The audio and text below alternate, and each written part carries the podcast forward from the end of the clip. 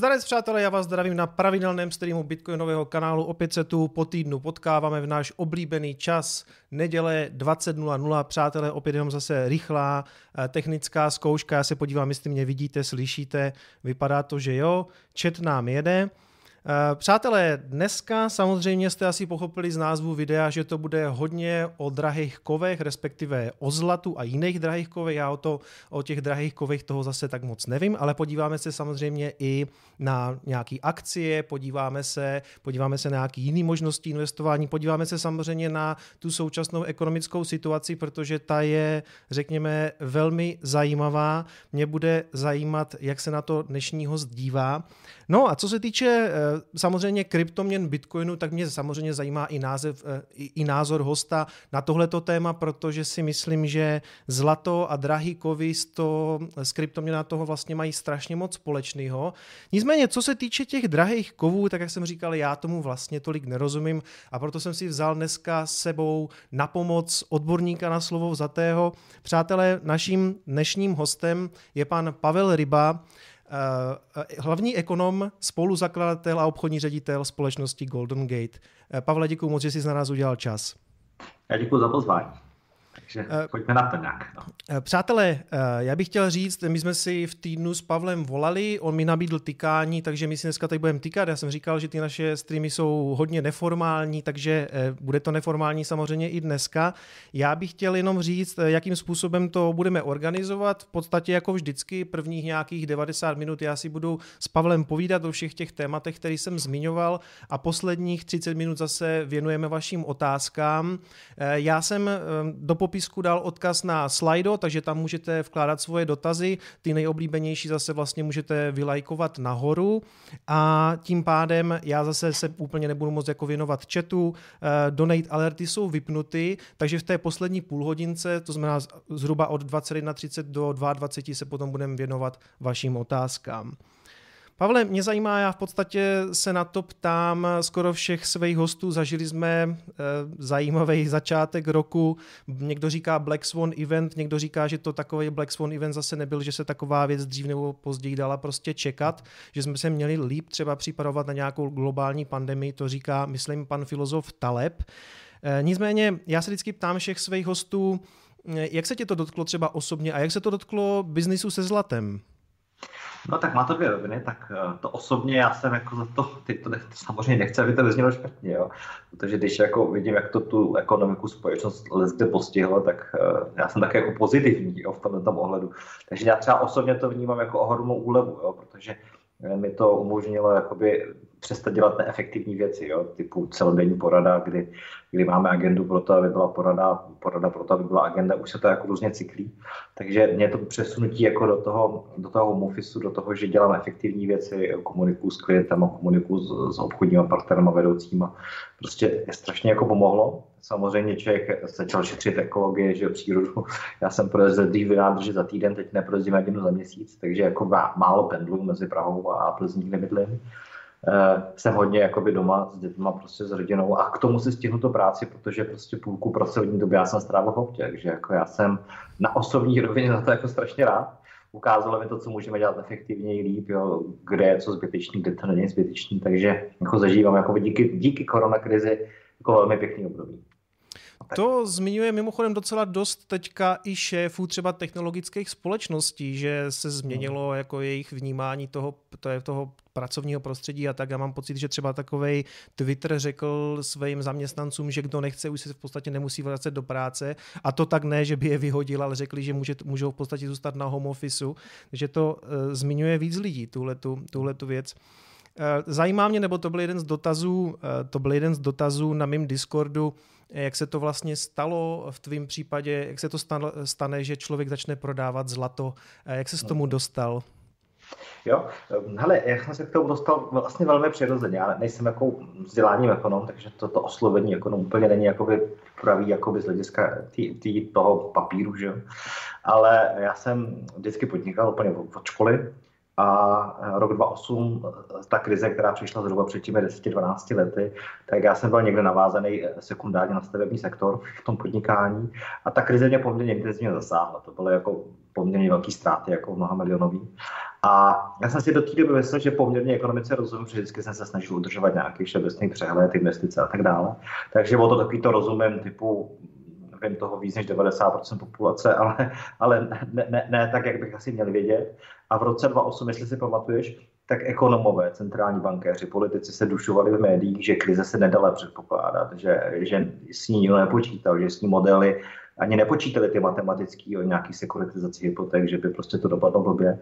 A když to slyšíš v těch médiích, já jsem se, se snažil vždycky hodně číst, tátovi, jo, prostě táta přečetl tisíce knih, tak jsem si říkal, ty pánové jsou v jednom ze dvou stavů, nebo to kombinace jednoho z těch dvou stavů. Buď to lžou a krizi čekali, a, nebo ji nečekali, ale pak možná jsou takový odborníci, jaký by měli být, a nebo to je někde mezi ta pravda. Že jo? Takže já jsem to jako začal studovat, začal jsem to zkoumat, takže jsem se dostal ke klasickým ekonomickým dílům. A zjistil jsem, že je skupina ekonomů blízká rakouské ekonomické škole, která x let před krizí říkala, co je špatně, že ty dlouhodobě nízké úrokové sazby, eh, enormní záplava dluhu a nový měnový jednotek v té ekonomice tvoří nerovnováhy, že jsou v dluhopisovém sektoru, v nemovitostním sektoru. Varovali předtím. A ten, ten ekonomický směr samozřejmě velmi úzce hovoří o podstatě toho měnového uspořádání dostaneš se k měnovému zlatu. Takže já jsem se k tomu vlastně dostal, takže jsem chtěl zjistit, jestli ta elita lže nebo nelže jestli je odborná nebo není. A pročetl jsem se k měnovým jako cyklům a měnovým jako podstatám přes ty klasická ekonomická díla. Říkal jsem jasně, prostě máme nespravedlivý měnový systém, neudržitelný měnový uspořádání. Zlato musí být nějakým způsobem znova součástí minimálně osobního portfolia každého investora, pokud má být stabilní. Lehký průzkum trhu v tom roce 2010, kdy jsem se tím zabíral, mi říkal, hele, nikdo to nemá, všichni by to měli mít. Jo. Každý ekonom jako řekne minimálně 50%, jo, že hmm. mělo to 0% populace tak jsem si říkal nejenom, že to chci mít a to zlato si kupovat, ale uh, pojďme ho zpřístupnit pokud možno úplně všem v republice. Udělat to prostě edukaci, udělat to nějaký kvalitní obchodní systém a tak dále. Takže tak já jsem se k tomu dostal. Prostě. Mm-hmm. Jako slepý hostlin, prostě jsem nečetl. No. Já, já vlastně, eh, ten, já to mám podobně s Bitcoinem a dneska bych taky si říkal, že by bylo ideální, kdyby každý měl třeba nějaký Bitcoin a třeba nějaký zlato a taky jsem se v podstatě dočetl k tomu, že mám čím dál víc pocit, že ten eh, systém je nespravedlivý. A my se určitě k tomu systému a ke zlatu a k drahým kovům ještě dostaneme, to bude asi největší část našeho rozhovoru, ale mě napřed zajímají akcie tvým pohledem. Um, už jsme to tady řešili s ekonomem, třeba s Dominikem Stroukalem, že my vlastně vidíme eh, ty čísla chodí z Ameriky, obrovská nezaměstnanost, teď jsou tam navíc ještě ty rioty, všechno možné a přitom akciový trh prostě, eh, když se budeme bavit třeba o indexu S&P 500, se někdy už v březnu víceméně odrazil a jde zase zpátky směle nahoru. Já jsem tou situací vlastně byl jako zaskočený, překvapený. Eh, víceméně jsme se dobrali k tomu tady s Dominikem, že je to zřejmě spojený s tím, že tam prostě Fed teďka poslal nějaký peníze, nějakou likviditu, ty nově natíštěný a ti investoři někteří si řekli, OK, tak já se prostě tady s těma penězma vyvezu eh, nahoru, nebo takhle, na tomhle se shodnem, nebo ve zkratce? Ale říkáš to přesně, jo, a Dominik to říká taky velmi přesně, jo. Já jsem někdy uh, v polovině toho března, nebo nějak jako zhruba, jako když ty akce byly někde políž toho minima, tak jsme dělali vlastně webináři i na našem YouTube kanálu Cykly bohatství. A tam jsem jako predikoval, že se akcie odrazí a dokonce jsem predikoval, že půjdou někam do toho pásma, toho gapu, kde se nachází dneska, je tam přibližně i ten 200 denní klouzavý průměr, eh, takže tam se jako zatím ta předpověď naplnila. A bylo to právě mm, jako předpověď, protože že ta reakce centrální bank byla okamžitá, že oni chrlili skutečný množství mm, těch měnových jednotek, že M2 báze doslova explodovala, že ta, ta, ta je téměř dvojnásobná, že za, za, za, za tři týdny se dokázali zdvojnásobit. Takže ta enormní záplava nových peněz, nových eh, peněžních nových agregátů, nových peněžních jednotek prostě skončila samozřejmě znova jako na, na, na akciových trzích, dluhopisových trzích, že výnosy na minimum, ceny na maximum. Takže je to logický, logický krok těch centrálních bank, protože kdyby to neudělali, tak už opravdu dneska jako podle mě nevybereme peníze z bankomatu, protože by prostě opravdu ten systém zkrachoval na totální krizi likvidity. Ale není to udržitelný růst. Jo. Prostě vidíš nezaměstnanost, která je vlastně největší od 30. let a jenom to, že je prostě levný, levný dolar, levný dluh, že centrální banka skupuje cokoliv, dává jakoukoliv likviditu do systému, tak se logicky akcie odrazily a přes polovinu toho propadu pomazali. Ale já jsem jako přesvědčený, že, že okolo toho 200 denního klouzavého průměru prostě se znova odrazí, protože ty reální dopady do ekonomiky budou strašidelný a a přijdou brzo hospodářské výsledky za druhý kvartál a to je prostě bude nějaký, nějaký dump dolů. No, já jsem někde slyšel to vyjádření těch centrálních bankéřů, že vlastně tu situaci v roce 2008 trochu podcenili a ve smyslu, že toho tiskli málo a proto jak kdyby poučení teďka toho prostě poslali do toho trhu ještě víc, což mě nepřijde úplně jako poučený krok. Eh, jako není to každopádně mm, z mýho pohledu žádný systémový řešení. Je to, je to věc, kterou jsme zkoušeli už moc krát a nikdy to nedopadlo dobře. Ale ještě, když se teda vrátím, ty říkáš, že, se to, že si myslíš, že se to od toho 200 denního průměru odrazí. Tím myslíš směrem dolů tedy? Směrem dolů, směrem dolů. To znamená... Samozřejmě záleží, kolik natisknou, že jestliže, jestliže by prostě eh, teď během dalšího měsíce prostě znova to vynásobili jako měnovou bázi, že jo, znova jako zdvojnásobili likviditu prostředků eh, na těch trzích v tom bankovním systému, no tak to klesat nebude, ale samozřejmě eh, historicky víš, k čím to skončilo. Vždycky je takovýhle měnový experiment, když už to potom jako opravdu eh, tlačili na pilou, no tak nakonec skončí nějakou inflační epizodou. Prostě v zásadě ta ekonomika je ohromný jako že to jsou dvě tektonické desky, které jdou proti sobě. Extrémní deflační šoky z té reální ekonomiky. To jsou prostě největší deflační šoky od 30. let. A samozřejmě centrální banky vidí do těch trhů líp než my, oni vidí do těch rozvah bank, komerčních, investičních a tak dále. Takže vidí jako ten šílený deflační jako kolaps, který jako nastal. A tak do toho lijou prostě inflačně, že jo, inflace z hlediska jako rakouského měnového cyklu není růst cenové hladiny, že jo, to je pouze jako no. expoze měnové, měnové zásoby. Jo. Takže samozřejmě oni působí extrémně proinflačně, aby ty dvě tektonické desky nějak jako vyrovnaly, ale samozřejmě ty tlaky jsou extrémní a, a já si myslím, že centrální banka vyhraje. Jo. Prostě mají na, to, mají na to neomezené zdroje, takže já očekávám, jako, že nakonec to skončí nějakou inflační epizodu. Nemyslím, že to nezbytně musí být hyperinflační epizoda, mm-hmm. ale umím si představit epizodu 70. let, nějakou stagflaci, jo. mizerný růst ekonomiky, relativně vysokou nezaměstnanost, extrémní měnová nabídka, eh, ten šok v té ekonomice vyvolá nějaký období vyšší inflace, klidně jako by byl blíž jako 10%, 8% po dobu nějakého dalšího období. A to je prostě pást, že úplně strašidelná pro tu ekonomiku. Čili... A samozřejmě u zlata drahých kovů, myslím si, že krypto z toho bude prostě eh, strašně těžit v nějakých dalších letech. I, i drahý kovy, i kryptoměny, myslíš? No. Jo, samozřejmě, jsou to jako mentálně trošku jiný aktiva, ale samozřejmě nej, nejlepším protiinflačním jako nástrojem z hlediska eh, té eh, tý podstaty toho měnového systému je zlato, že to je jako opravdu eh, protiváha dolaru, prostě víc než cokoliv. Takže samozřejmě nejlépe těží zlato z, z reálných záporných úrokových sazeb, když je inflace prostě vyšší, než jsou úrokové sazby v ekonomice, když je to nějaký dlouhodobější vztah. Takže to je prostě nejlepší zajištění proti inflaci. Samozřejmě je tady něco nového, co v 70. a 30. letech nebylo, to je svět krypta. A ten prostě se bude nějakým způsobem hledat cestu, bude nějakým způsobem hledat eh, nějaký kapitál, něco tam zaparkuje. To relativně malinký trh, že ty, v tom kryptu děláš a já jsem šmrtnut jenom trošičku. Eh, prostě je to malinkatý trh, jestli je ta tržní kapitalizace zhruba 200 miliard eh, dolarů, něco takový by zhruba mohla být, takže je to relativně jako malý objem peněz. Takže z toho určitě krypto těžit bude, ale mentálně jsou to trošičku jiný, jiný věci. A jedno je ospouštěno 6 tisíci lety a centrální banky to kumulují, aby měly hlasovací práva při přerozdělení těch hlasů při kolapsu měnového systému a to druhý zatím jako aspoň oficiálně zatím moc nekumulují. Takže mm-hmm. je relativně všechno nový. Jo. Um, tomu srovnání se taky ještě dostanem, to mám taky jako v podstatě samostatnou kapitolu uh, si, si tyhle ty věci srovnat. Ještě když se teda jednou vrátím uh, k těm akcím, uh, spousta jsem viděl vyjádření různých ekonomů, kteří říkají, ten akciový trh teďka narazil dno, uvidíme Včko nahoru, za, na Včko to teda zatím nevypadá, ono se to zaseklo v tom gapu, o kterém jsem mluvil, teď někdo říká, že uvidíme Učko, že uvidíme Lko a ty teda očekáváš, jak kdyby ještě jeden lek dolů. Já očekávám velmi podobný scénář jako během 30. letu, jo? kdy vlastně, když se podíváš na, na Jones, tak jako ten prostě dostal ráno jako blázen, že jo? tak jako zhruba 50% toho propadu upsal nahoru a, a potom jako doputovala, že ta opravdu reálná těžká eh, hospodářská deprese trvala, ten propad trval zhruba tři a půl roku.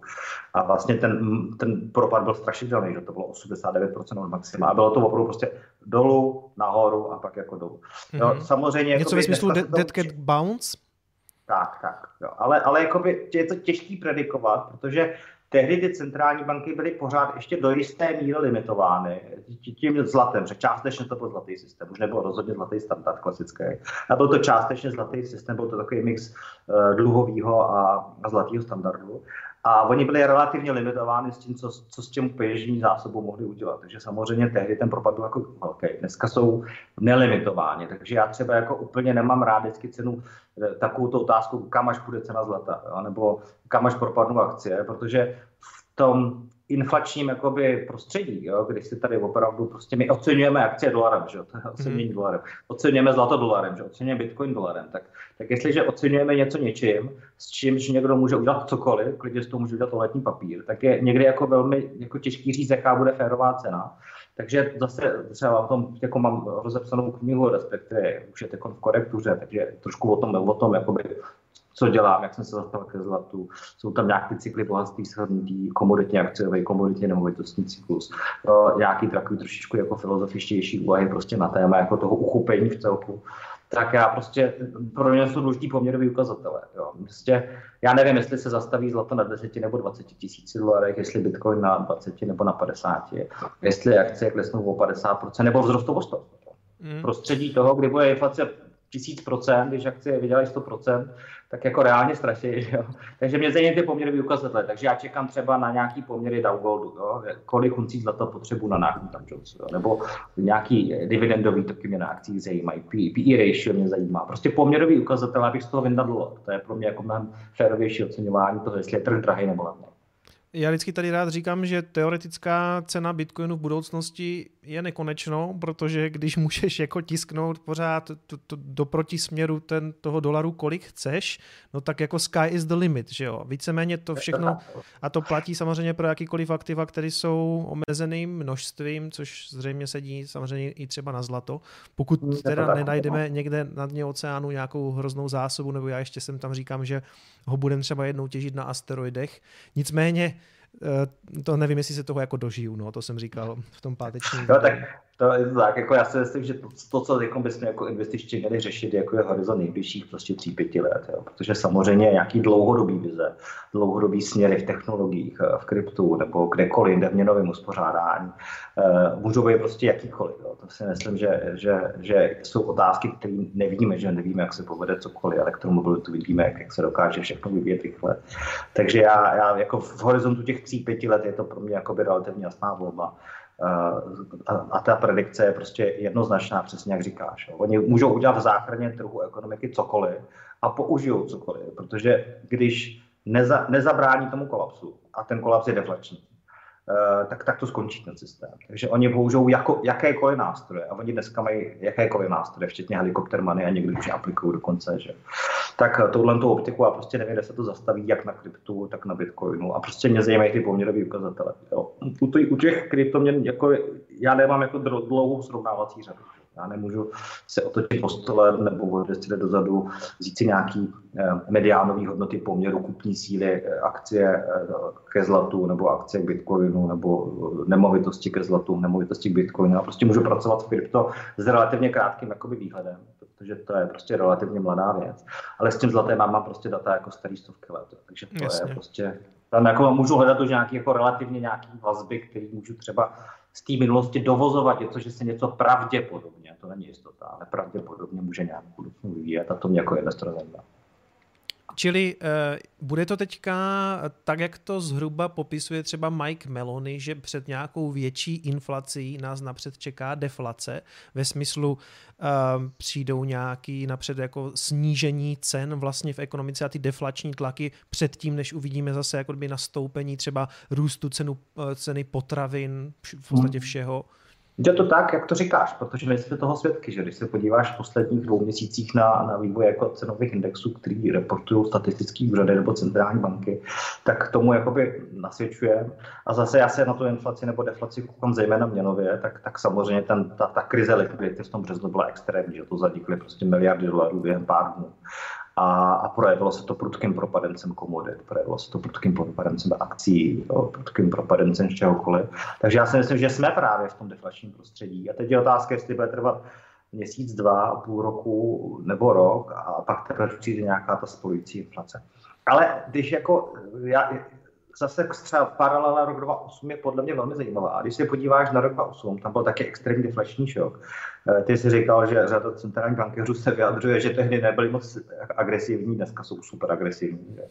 Tak taky si viděl, že třeba zlato v té první fázi eh, po tom krachu Lehman Brothers eh, až někde do října prostě klesalo. Prostě ano, ano. To bylo pokles zhruba 30%, to nebylo vůbec málo. Teď konce jako zhoupo dolů prostě na 14 dnů a v zásadě hned to nabralo nahoru, že stříbro už je na, na úrovních, kde bylo, kde bylo při tom kolapsu v tom březnu. Takže teď je to tentokrát jako velmi mírňonkatý propad, naopak to spíš roste. A myslím si, že tentokrát jako víc investorů, a myslím i těch strukturálních nebo těch uh, institucionálních spíš bych řekl, vnímá to, že tentokrát je to úplně jiná podstata jakoby problému v té ekonomice. Tentokrát je zasaženo poptávková nabídková strana. Je to prostě jako narušený dodavatelský řetězce. Jo? Spousta věcí se přeskládává. Je, je, je narušená doprava celosvětově. Prostě to je úplně jiná podstata krize, než bylo jenom to, že pár Američanů nesplatilo dluhy a nějaká banka krachla před deseti lety. Mm-hmm. Je to těží třeba dolar z toho vlastně, my vlastně jako žijeme v dolarovém standardu, že jo. Hmm. Víceméně všechno určuje, nebo 60% snad obchodu, možná ještě víc mezinárodního se vlastně uskutečňuje v dolaru. My jsme to teďka vlastně viděli, že eh, najednou toho dolaru bylo i málo, protože se do něho jak kdyby všichni stahovali a on vlastně vyskočil i proti ostatním měnám, strašně jako zajímavý vlastně jev. A mě vlastně zajímá v tomto kontextu, eh, často eh, ti goldbagové říkají, že se blíží konec toho dolarového standardu. Blíží se skutečně, jako hrozí nějaký kolaps toho systému, nebo dočkáme se konce dolarového standardu a je to vlastně v našem zájmu, aby jsme se toho dočkali? To je, jsou, to je, to je hodně otázek a jsou jiný. Takže já, jako z hlediska matematického, z hlediska jako historického je, je podle mě stoprocentní jistota, že se jako dolarový standard končí. Jo. Když se podíváš na všechny rezervní měny eh, od, od Portugalska přes Španělsko, prostě a Nizozemí, Francie a tak dále, že Velkou Británii až po americký dolar, tak všechny ty, všechny ty světové měny jednak byly teda krytý zlatem, to je tak pro zajímavost, a všechny měly nějakou relativně krátkou životnost, jako v řádu desítek let a, a prostě skončily s nějakou jako makroekonomickou změnou bez toho přeuspořádání prostě těch sil v té ekonomice. Někdo prostě objevil Ameriku, neobjevil, někdo měl silnější to neměl, že někdo víc obchodoval a tak dále. Takže ty historie jako těch měn jsou zajímavé. Takže je to stoprocentně jistý, o tom jsem přesvědčený. Teď je otázka, ta proměna je čas, že jestli se toho dožijeme, já si myslím, že ano. Myslím si, že to je otázka jako v horizontu let, nikoli mnoha a mnoha desetiletí. Cyklicky jakoby z hlediska toho všeho už dolo přesluhuje. Vidíme ty extrémní tlaky, jak si ho Čína snaží nahradit, Rusko si ho snaží nahradit. Jo, e, samozřejmě určitou roli v náhradě můžou sehrát za určitých podmínek kryptoměny, to si umím představit. Nemyslím se si v nejbližších dvou letech nebo třech, ale v horizontu jako delší času. Samozřejmě je to velmi, velmi těžké, že vlády se nebudou chtít vzdát monopolu na, na tisk peněz. Jo, když třeba čteš vynikajícího autora Vileka píše knihu Zlé peněze, prostě to je jedna z nejlepších jako studií prostě o měnovém systému vůbec, vůbec která kdy vyšla. Bohužel to teda pouze ve slovenštině což už řada mladších neumí slovensky, že nám na to číst. Uh, takže, takže to je prostě jako určitě jako jistota. Já si myslím, že se toho dožijeme velmi brzo, uh, v řádu jako do deseti let a bude to velmi bolestivý a nikdo si to nepřeje, protože to znamená jako zásadní přeus, přeskládání sil vůbec jako mocenských. No. Takže ty to fakt čekáš do deseti let? To mě překvapuje. Já si myslím, že to je reálný. No. Já si myslím, že to je reálný. A jak by to potom vypadalo? Ty jsi zmínil z um, Rusko, Čínu, o těch se často mluví, že oni už teďka třeba skupují zlato, dokonce se mluví o tom, že třeba těží bitcoin. Uh, to jsou, je to spíš tak na úrovni takových jako drbů, ale možný to samozřejmě je. Je. Dokážeš si představit, jak to bude vypadat po konci toho dolarového standardu? Uh, budeme používat ruský rubl nebo čínský yuan, který bude krytý zlatem, nebo... Ale to, to samozřejmě nevíme, ale třeba jakoby James Rickards, který vydal vynikající knihu o měnových válkách, Currency War, prostě jedna z nejlepších knih a velmi nadčasových, to je jako velmi starý dílo, eh, publikuje jako velmi, velmi eh, velmi jako aktuální knihy, články a my jsme jednu knihu nedávno překládali, to je tak tři roky na zpátek od něj, tak eh, se do toho zásadním způsobem prozatím dle toho, jak to vypadá, vkládá Mezinárodní měnový fond s nějakým zvláštním právem čerpání s tím. Eh, že, že to je nějaký koš prostě nějakých rezervních měn, krytý nějakým dluhem, nějakým, nějakým komoditním košem a podobně. Takže myslím si, že, že určitou roli krátkodobě přebere Mezinárodní měnový fond, eh, což už vlastně dělá, že mu zasahoval v krizích jako minulé, teď taky zasahuje. Ale není to finální řešení. To finální řešení asi je úplně představit neumím, protože eh, to finální řešení prostě bude, že jo, každá velmoc, nebo každá velmoc, aby se stala velmocí, nebo příčina důsledek tu kauzle, to těžko hledáme. Jestli byla hří velmocí, je pak měla měnovou, měnový systém, nebo vlastnila rezervní měnu v tom měnovém systému, nebo ovládla měnový systém a díky tomu se stala velmocí, ono to spolu souvisí velmi úzce. Tak každá taková velmoc její moc rostla a, a, a zároveň upadala s tím, jak eh, byl stabilní a silný ten měnový systém. A vždycky to nebylo takový, že si kluci jako sešli, popláceli se po zádech, řekli, hele, tak teď ti předáváme otěž a ty si tady vezmeš prostě eh, teď na další 30, 40, 50 let jako eh, to právo emitovat měnu, to právo vyvážet dluh, to právo mít deficitní výdaje, to právo u, u, užívat si jakoby konzumu a, a vyvážet inflaci do celého světa a, a v zásadě ji nezažívat. Jo. Takže tohle to se jako nikdo nezdává toho dobrovolně. Jo. Taky mm-hmm. vidíš, jak, jak extrémně do sebe prostě Čína se spojenými státy jde v obchodních válkách, měnových válkách, kdekoliv všude. Takže já si myslím, že to bude velmi bolestivý a neumím to představit. A, ale je to podle mě historicky, ekonomicky neobratitelný stát. Mm. Ale výjimka je třeba schůzka mocností 1944 Bretton Woods, kde se všichni zhodli, ale zřejmě to bylo tím, že prostě ta planeta byla v podstatě po té druhé světové válce zdecimovaná tak si prostě asi tam sedli a řekli, tak teďka to budou všechno řešit američani. To si vůbec nedokážu představit v dnešní, jako v tom no. světě, který je, že by se někde sešli a řekli, OK, tak teďka to chvilku zase budou dělat Číňani. No, no, jako ty jsi to řekl velmi přesně, jo. Ono to jako nebyla uh, demokratická dohoda, jo. To jako, když budeš jako probí, uh, studovat jeho Redwood, tak to nebylo nic demokratického. To mm. v zásadě Amerika jako použila absolutní moc, jo. Vem si to, že ta, ta, ta ta světová ekonomika byla zdecimovaná dvěma světovými válkama, samozřejmě zdecimovaná ještě autoritářskými režimama. Byla absolutně na kolenou. Američané měli fenomenální postavení z hlediska toho světové mocnosti. Zase o tom v té knize se nějakým způsobem lehce zmiňuji, eh, kdy No u nich se nebojovalo, že? Takže... U nich se nebojovalo, takže na jejich území prostě žádný jako infrastrukturální a materiální ztráty nebyly. A oni vyváželi do světa nejenom zbraně a vojáky, ale vyváželi i, i komodity, vyváželi i potraviny, vyváželi zboží. A samozřejmě američani si nenechali platit britskou librou, nenechali si platit eh, eh, francouzským frankem, protože ty měny mohly být bezcené, kdyby Hitler vyhrál válku. Takže samozřejmě nefungovaly v druhé světové válce směry na zlato. Že to, to se rozpadlo že s počátkem druhé světové války. Takže američané se nechali platit jen a pouze měnovými kovy a nashromáždili gigantické množství měnových kovů, ne zlatá, ale stříbra, a hlasovací práva byly na zlato. A když už bylo jisté, že američané vyhrajou, už k tomu samozřejmě vyvíjeli projekt Manhattan, kde, kde vyvíjeli jaderní zbraně, bylo jim jistý, že, že, že pravděpodobně za rok už asi pravděpodobně mít budou. Takže, takže prostě extrémní jako vojenská moc, extrémní ekonomická moc a extrémní množství hlasovacích práv, co nashromáždili gigantické množství měnových kovů. A, a v tom roce 1944 to bylo prostě v zásadě dotlačení spojenců a ostatních zemí k tomu, že rezervní měnou na konci války se stane americký dolar. A e, demokraticky vám teda říkám, že ho všichni budete používat. Všechny měny budou navázány na dolar, taky se vyberte, máte jedinou možnost, že a teda, aby jsme jako nemohli úplně podvádět, tak vám teda slibuje nesměnitelnost. To není krytí. Že? Jo, když si nějaká centrální banka požádá, tak vám dolary vyměníme za zlato. V druhé polovině 60. let žádalo mnoho centrálních bank, američané přišli o víc než polovinu zlatých státních rezerv.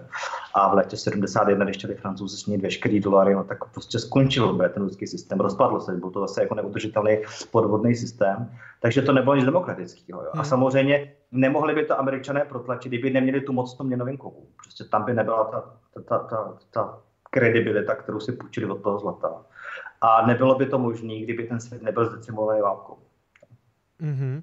Na to by jako nepřistoupili. Oni všichni vlastně potřebovali nějaký stabilní měnový systém, aby, no, relativně stabilní. Že? Všechno bylo stabilnější než, než to peklo váleční. Jo, takže oni potřebovali nějaký jako slušný měnový standard, eh, aby mohli prostě tu zdecimovanou Evropu, zdecimovanou prostě Ázii, Japonsko postavit na nohy a, a začít nějak jako na novo. Dokážeš si představit, nebo bylo by to třeba podle tebe ideální řešení, kdyby teď eh, přišel Pavel Ryba do Mezinárodního měnového fondu a řekl, pojďme to zase udělat, eh, pojďme se vrátit ke zlatému standardu, pojďme, pojďme to vytvořit na zlatě. Eh, myslíš, že by to bylo dobré řešení? Dokážeš si představit návrat ke zlatému standardu? Ale já si to jako v podstatě umím představit. A teď pozor, nezačal jsem zlato dělat, protože si umím představit návrat ke zlatému standardu. A, ale v zásadě je to jenom o tom, prostě říct si, Eh, pojďme nějakým způsobem vypořádat dluhy, víme, jak je vypořádáme, prostě v zásadě si odpustíme, to znamená všichni investoři, jako všichni penzisti a tak dále, všichni o všechno přijdou. Že? Tak je globální řekneme, default, jak kdyby, jo? Prostě. Globální default, že jo, takže všechno jako rezetnem, že jo. A pojďme si říct, že tady máme nějaký množství nových jednotek, jedno, jak se budu jmenovat, to je úplně jedno, jak se to nazveme, prostě dolar, euro, koruna, yuan nebo cokoliv, rubl. A pojďme prostě říct, že, že tam bude absolutní jako eh, vazba na zlato, že nebudeme mít víc měnových měnových jednotek, než kolik máme toho měnového zlata. A není možný vytvářet ty nové měnové jednotky na základě nějakého příslibu důvěry systému částečných rezerv nebo něčeho podobného. Prostě vrátit se do toho klasického zlatého standardu. A v zásadě je to jenom o tom, jak to naceníme. Jo. Kolik těch měnových jednotek necháme oproti tomu zlatu a, a přidáme tam nějaké množství nul. Že? Jo. Prostě to je, jako, je pořád jako matematická říčka. Jo. Někdo řekne, máme málo zlata, tak bude jiný směný kurz. Jo. Jo, jako to, to jako, já si to jako představit umím a samozřejmě tenhle ten systém je jako teoreticky proveditelný. V zásadě, když se koukám na dlouhou historii, tak byl nejlépe a nejdále fungující. Když se podíváš vlastně na klasický zlatý standard, tak fungoval opravdu jako 150 let. A, a fungoval velmi dobře a, a v tomto období reálný růst ekonomiky byl jako udržitelný a byl jako velmi zdravý. Hmm. A, a kupní síla obyvatelstva a firm prostě rostla. Takže si myslím, že se prokázal, že je poměrně funkční. Ale nikdo ho, ne, nikdo ho dneska nenastolí, protože by znamenal stopku pro jakéhokoliv politika vytvářet deficitní výdaje. Stopku pro jakéhokoliv politika a centrální bankéře kupovat si inflací dluhem prostě nějaký ekonomický růst prosperitu. Stopku na to, že si koupíš voliče za předvolební kopíček. Jo. Prostě jako ten, ten systém jakoby je v zásadě neprosaditelný. Neprosaditelný, protože by si vzal vlastně těm majitelům toho systému nebo tvůrců toho systému by jim vzal tu moc ovládat úvěry a peníze. Vlastně oni by se museli začít chovat jako politicky zodpovědně a poctivě a museli by jako začít vytvářet nějaké reální hodnoty, které dneska jako úplně nemusí vytvářet, protože si je v úzovkách natisknou. Ty jsi eh, říkal, že státy nebudou chtít se vzdát toho monopolu na peníze. Myslím, že v roce 33, když stavili ten zlatý standard, eh, tak vlastně vyšel ten executive order, který víceméně držení zlata udělal nelegální, to znamená, lidi ho museli vlastně prodat eh, centrální bance, nesměli ho držet, byl tam, byly tam strašné pokuty a snad desetiletí vězení. My tady často řešíme otázku, jestli nás něco takového nečeká třeba s Bitcoinem, jestli se prostě nemůže stát, že někomu prostě rupne v palici teďka a řekne prostě držení Bitcoinu je nelegální, všichni si za to budete sednout, protože důvody se vždycky najdou, že jo, někdo vždycky argumentuje nějakým použitím pro teroristy. Já vždycky říkám, že to by bylo jako dneska, kdyby terorista používal Bitcoin na to, tak je to jako v cel vesměs idiot, protože všechno je zaznamenané na blockchainu. Ale to je na jinou debatu. Spíš mě zajímá, jestli si dokážeš představit, že něco takového vyjde třeba na zlato. Může se stát, že se těm vládám nebude líbit to, že ti lidi vlastně se chrání, protože pochopili ten systém, tak se chrání před tou inflací zlatem a bitcoinem. Nemůže přijít nový executive order jak na bitcoin, tak na zlato, prostě vraťte nám to, vy státy Ale... řekli. Kubo, já si myslím, že se může stát cokoliv. Jo. Pokud ti někdo jako z analytiků řekne, že se něco nestane, tak, tak tak už jako kecá nebo potřebuje říct, že, to jako, že se to nestane, protože chce prodat nějakou myšlenku. Takže je možný cokoliv. Eh, protože prostě eh, vlády se můžou chovat jakkoliv, včetně protiústavně. Že? Takže, takže prostě toho jsou plný historie, plný dějiny a vidíme to, že spousta vlád se dneska začíná chovat na hranici ústavnosti. Jo? Prostě ty, ty změny že jsou, jsou, jsou, jako zásadní. Ale když se jako podívám na to, jestli je to pravděpodobný u toho zlata, tak tam to úplně pravděpodobně nevidím, protože ty jsi zmiňoval ty 30. let a to byla jiná situace. Že? Ve 30. letech, když jsem ten počátek 30. let, tak fungovala určitá forma zlatého krytí. Už to nebyl klasický zlatý standard, ale byl to směsice zlatého standardu s nějakým dluhovým systémem. Ale v zásadě američané měli 10-20 dolarovky, které buď to byly papírové, anebo byly ze zlata. Oni měli prostě minci a ta 10 dolarovka vážila zhruba půl unce zlata a ta 20 dolarovka vážila zhruba unce zlata. A taky byl teda nějaký, nějaká ta vazba dolaru na zlato 20 dolarů za trojskou unci. A ta vláda potřebovala v té hospodářské krizi, přičinila velké deflaci, protože se tam zhroutila ta dluhová část. Ona se nezhroutila ta zlatá měnová báze, ale zhroutila se ta dluhová část. Že? To je fiat měny, že? Ta, ta hmm. fiat část eh, té měnové zásoby se zhroutila. Tak oni potřebovali prostě nastartovat inflaci. Že? A nejjednodušeji inflaci nastartuješ devalvací měny. Jenomže nemůžeš devalvovat měnu, když necháš lidem skutečné peníze, když necháš zlato. Že? Tak proto v 33. roce vyvlastnili zlato a řekli všichni ho dejte do banky, dostanete za, to, za tu 20 dolarovku ze zlata tu papírovou 20 dolarovku a když jako vyschromáždili relativně velké množství zlata, tak pak řekli devalvujeme na 35 dolarů. Mm-hmm. Čímž nastartovali okamžitě inflaci, že jo, okamžitě nějaký jako ekonomický růst se dostavil během pár let a, a hotovo. Že jo. A tehdy to vlastně museli udělat, aby nastartovali inflaci. A taky bylo co vyvlastňovat, protože 100% obyvatelstva mělo zlato. Mm-hmm. Hmm. bylo co vyvlastňovat. Jako to, to, to fakt dávalo smysl. Že? Jo. Ale dneska v České republice má za to zhruba 2% populace. A rozhodně lidé nemají významnou část. To jsou jako poměrně malinkatý částky, které se do toho investují. Že roční trh ještě loni ve zlatě byl nějakých 5 miliard. Že? To bude samozřejmě gigantické, že bude mnohem větší.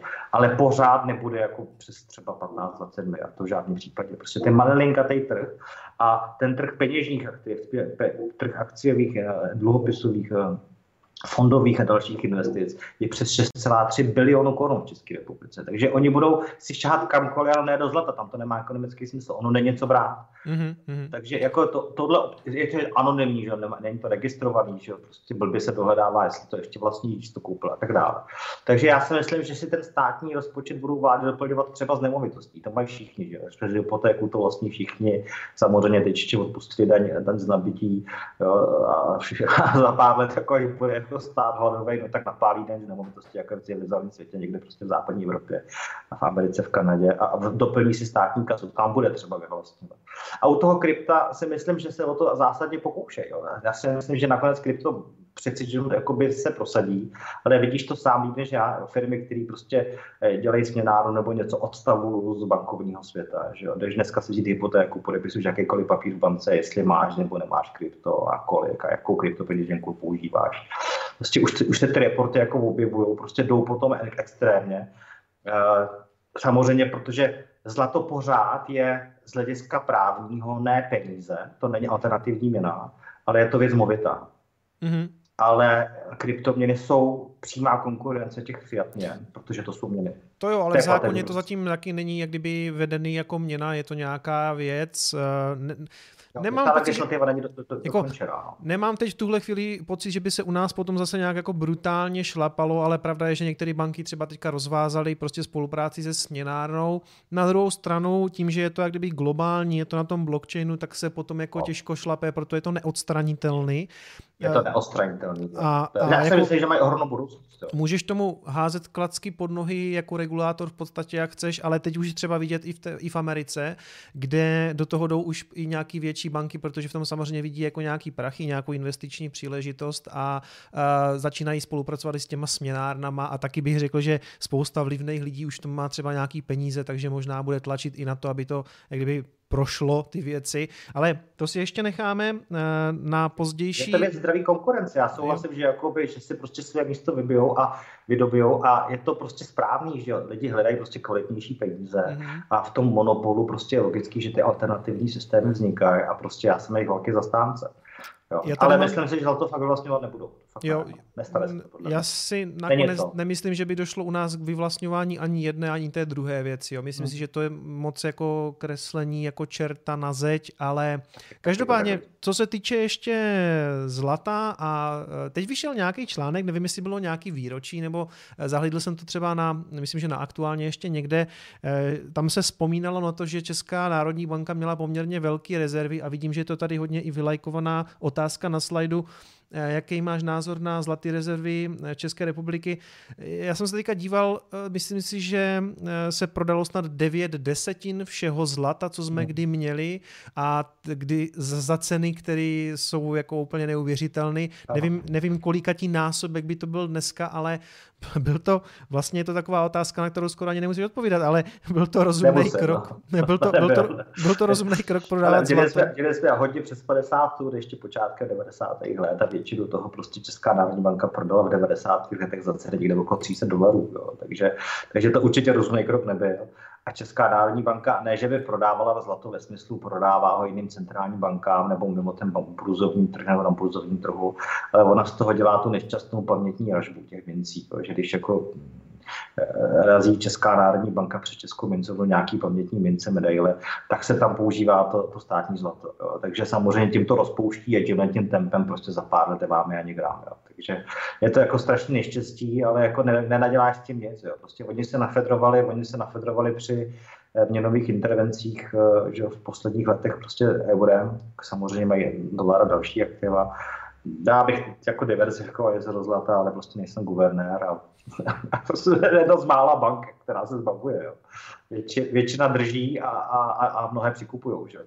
Po roce 2008 se staly v zásadě všechny roky centrální banky čistýma nákupčíma, když se to jako eh, sečte jako ty jejich nákupy prodeje. Uh, kolik, kolik jsi říkal, že prodávali? 300 dolarů za, za unci? Zhruba 300. V těch 90. se pohybovala ta cena okolo 300 dolarů, plus minus prostě 60-70 dolarů to bude sedět. Jo. A dneska jsme někde kolem 1700, 1700 za unci. Já jsem se eh, v rámci přípravy díval na nějaký rozhovory s tebou. Pobavila mě paní Drtinová, která říkala eh, v tom rozhovoru, neptej se obchodníka se zlatem, jestli je čas kupovat zlato, ale ptám se, zeptám se jinak. Eh, to zlato je teďka skoro pod, lehce pod svým all-time high.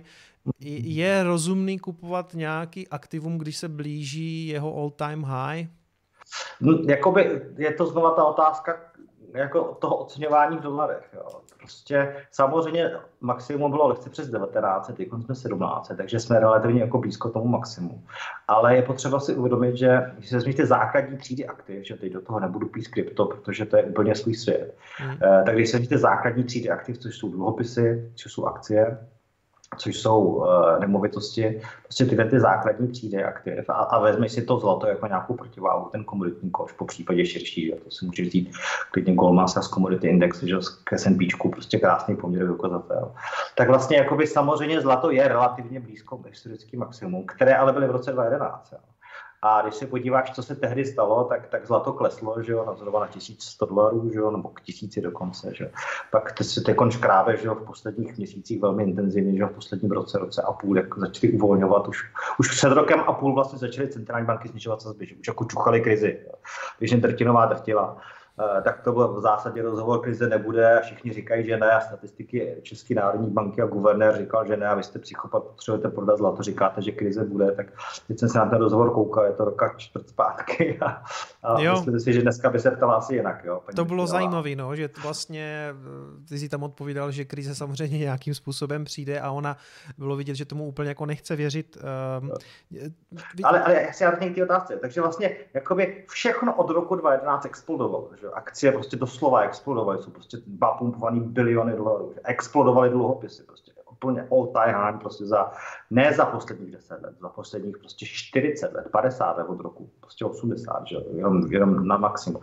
Když se podíváš nemovitosti, zase maxima, nominální poměrový ukazatele, prostě všechno našponovaný. A to zlato je vlastně strašně levný. Samozřejmě už se jako vyškráblo trošičku z těch 1100 dolarů v těch posledních dvou letech, ale je to strašně jako málo a zase pro mě jsou důležitý poměrový ukazatele. Kolik uncí zlata potřebuji na nákup nějakého širšího koše akcí, mm. kolik uncí na nějaký koš nemovitostí, kolik uncí na nějaký dluhopisový koš. A prostě tam je zlato nejlevnější nebo jedno z nejlevnějších tím poměrovým ukazatelem, nikoli mm. tím nominálním zle v historii vůbec, jako toho 20. století. Takže samozřejmě je to proto, že na všech jiných aktivech proběhla ohromná inflace a na zlatě v zásadě probíhala deflace. Jo. Takže ano, je poblíž historických maxim, ale touhle optikou, než se ty poměry nebo nepoměry vyrovnají na nějaký poměry, eh, ta cena zlata musí prostě vyrůst mnoho, mnoho násobně. Neříkám o 100%, myslím prostě o mnoho násobně. Je to, že bavíme se, takže tady se totiž někdo taky ptá, dívám se na sledu, jaká bude cena zlata v blízké době, to je oblíbená otázka samozřejmě i na Bitcoin, kolik, kolik bude stát, kolik to bude stát. Myslím si, že vlastně člověk se, když se podívá i třeba na tu zásobu těch peněz M2, tak mu musí být jasný, že to teď třeba někam poteče. Dobře, tak ty říkáš, že to bude násobně výš teda? Hmm.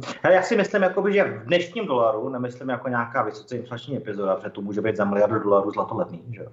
To vidíš, kolik stálo ve výjarském Německu jako gram zlata, že? v miliardy marek. Takže nebavím se o hyperinflačním scénáři, ale myslím si v dnešním jako dolaru toho, kolik je ho uděláno v nějaký rozumný jako kupní síle, která je vzhledem k nějakým měnám, jestli o 20% jako za, za, za, za, zahýbe se ten směný kurz, tak to prostě není velký pohyb. Tak já čekám, že to zlato by vzhledem k té M2, vzhledem k Dow, Goldu a tak dále, mělo být minimálně na 10, spíš na 15 až 18 tisíc dolarů za unice. Takže jako relativně, relativně jako rozumná cena není to uh, nějaký nesmysl. Když to říkám jakoby lidem, kteří neznají krypto, tak si ťukají na čelo. Tyjo, obchodník s letem říká, že to vyroste pětkrát, že to vyroste šestkrát, že to vyroste sedmkrát. Uh, tak v krypto světě to není žádný nárůst. To se dá někdy udělat i za den na nějakých autech. To se dá udělat na nějaký krypto i Ale... jako za pár dnů. Že? Jo? Takže jakoby tou, touhle optikou a jenom je to jakoby vyrovnání uh, té M2 nebo nějakého poměru downloadu nebo k něčemu uh, vzhledem jako historickým jako paritám. Jo? Takže hmm. to není prostě nesmysl. Samozřejmě přestřelení může být klidně víc. Jo?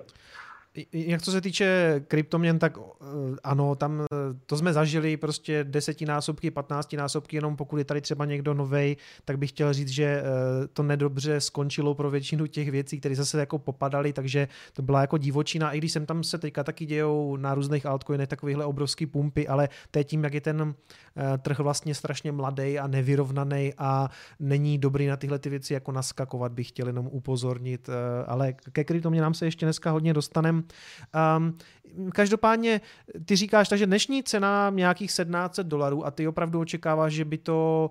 Um, pěti, nějaké... až deset, pěti až desetinásobek a nebavím se o horizontu 50 let, znova se bavím o horizontu do pěti let, mě nezajímá jako horizont delší, protože eh, si myslím, že budeme čelit jako zásadním prostě změnám, který nedokážeme jakoby dopočítat. Hmm. Když se podíváš na Paretovo pravidlo 80 na 20, tak ono funguje v zásadě ve všem. A finálních 80% ceny jakéhokoliv aktiva, tomu, k té bublině, k tomu přestřelení, protože zlato nezůstane na 15-20 tisíc chladek. Tady nebude bublina a pak se zase vytvoří za dalších pět let bublina na akcích, zlato se vykrvácí, že jako, jako se to stalo před pár lety s Bitcoinem, prostě od bubliny bublině v zásadě centrální bankovnictví nic jiného způsobuje na těch trzích. E, tak to není, že to jako na 20 tisíc nebo na 15 a tě to tam zůstane 20 let, boom a zase jako dolů, že jo, přeleje se kapitál po krizi do, do těch aktiv, který z nekrize těžej. Jo. Prostě je nějaký, jako, nějaký přesun kapitálu v rámci toho průšvihu, který nás čeká, tak je třeba o horizontu jako do pěti let, nebo se za 50 mm-hmm. let.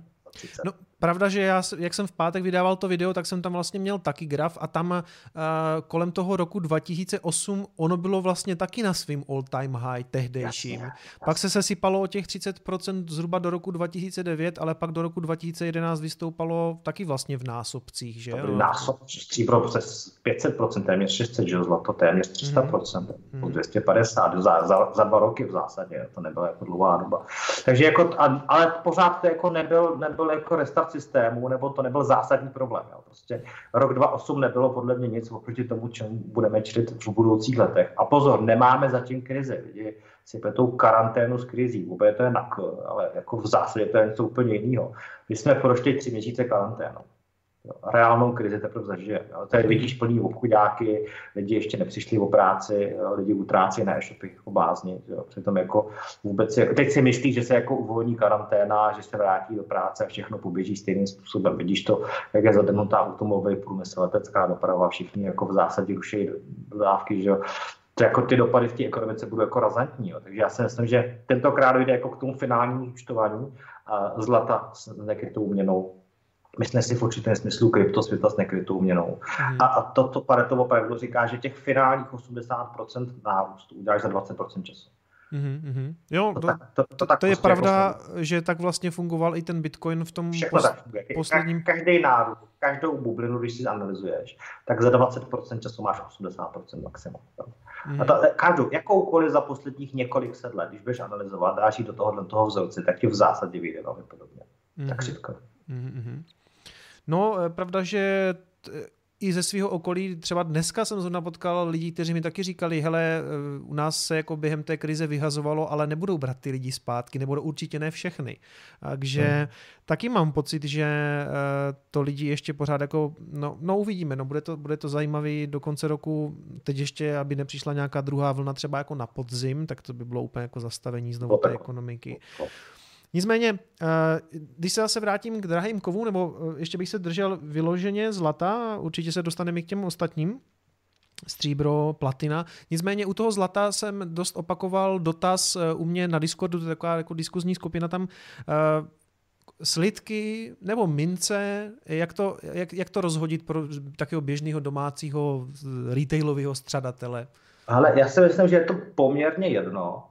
Eh, já si myslím, že to je v zásadě úplně jedno. Pokud teda víš, že budeš emigrovat do Austrálie nebo do nějaké jiné země, tak jako někdy může být praktičtější si vzít to nominální platidlo té dané země. Jo. Takže když bych jako věděl, že zdrhám na Nový Zéland nebo do Austrálie, tak asi spíš než jako unci zlata ve slidku budu kumulovat třeba v jako kengeru nebo v nějaký jako minci, že tam potom deklaruju, že dovážím 100 australských dolarů a ne, že dovážím unci zlata, která má mnohonásobně větší uh, tržní ocenění, než je to nominální platidlo na té mince. Ale jinak, jakoby, pokud vím, že emigrovat nebudu, což většina z nás asi emigrovat nebude, tak bych Minimálně šel... nechce teda, no. No, nebo nechce, že jo. Tak je to relativně jedno, jo. Určitě jako já nejsem zastánce toho nějak zbytečně přeplácet prostě nějaký desítky procent za sběratelské věci. A protože si myslím, že nakonec bude rozhodovat zejména ten kov.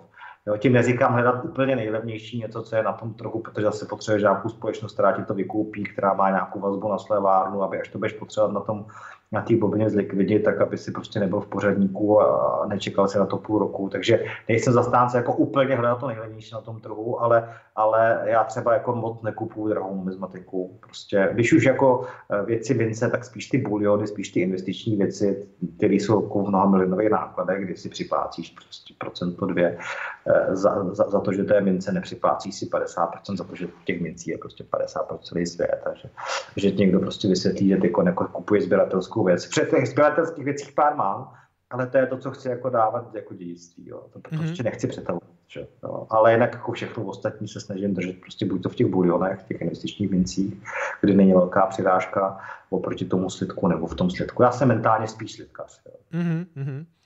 To máte takový jako klany, jo? Jsou slidkaři a mincaři. No, jsou, jsou, jsou jako mincaři, že takový tak ty zběratelský numizmatici, to je taková jako zvláštní kategorie. Eh, já tomu rozumím, je to vášeň, ale oni to v zásadě nikdy nechtějí zlikvidnit, že to je, to je investice, ne investice, jo? prostě ten mm-hmm. doufá, že to nezlikvidní, že? Tak, tak, to je spíš jako vášeň než investice, protože pokud nemáš horizonty zlikvidňuješ, tak už to mentálně není tolik investice, že už to je, už to je spíš vášeň. Pak máš jako lidi, kteří jdou prostě spíš jako po té investiční věci a tam jsou potom buď to ty investiční mince z hlediska toho nějakého masového nákladu typu Philharmonical, já nevím, Krugeran nebo cokoliv. A, a, nebo jsou to slidkaři. Prostě já jsem mentálně slidkař, mě zajímá prostě jsem jako s rozumnou likviditou taky dobrý obchodního partnera, abych na to nebyl sám. Jo. A nějak rozkládat eh, třeba i velikost těch slidků kvůli třeba té likviditě? Já jsem, třeba, já jsem uncovej třeba. Jo. Když jako jsou unce dostupný, což dneska ta dostupnost musí je horší, tak jako nějaký 100 gramy klidně. Ale jinak já jsem prostě mentálně uncový, jo. protože už jako dneska ta unce je za 50 tisíc, jo, plus minus pár, pár tisíc korun. A při tom, co tady predikuju, že to bude klidně pětinásobek, nedej bože deseti, tak už i ta blbá unce, která váží 31 gramů, prostě bude stát 250-300 tisíc korun. A už jako budeš relativně hůř hledat tu protistranu. Představa, že si koupíš čtvrtkilovku, protože vyzrají na 2% spreadu nebo na, na něco podobného.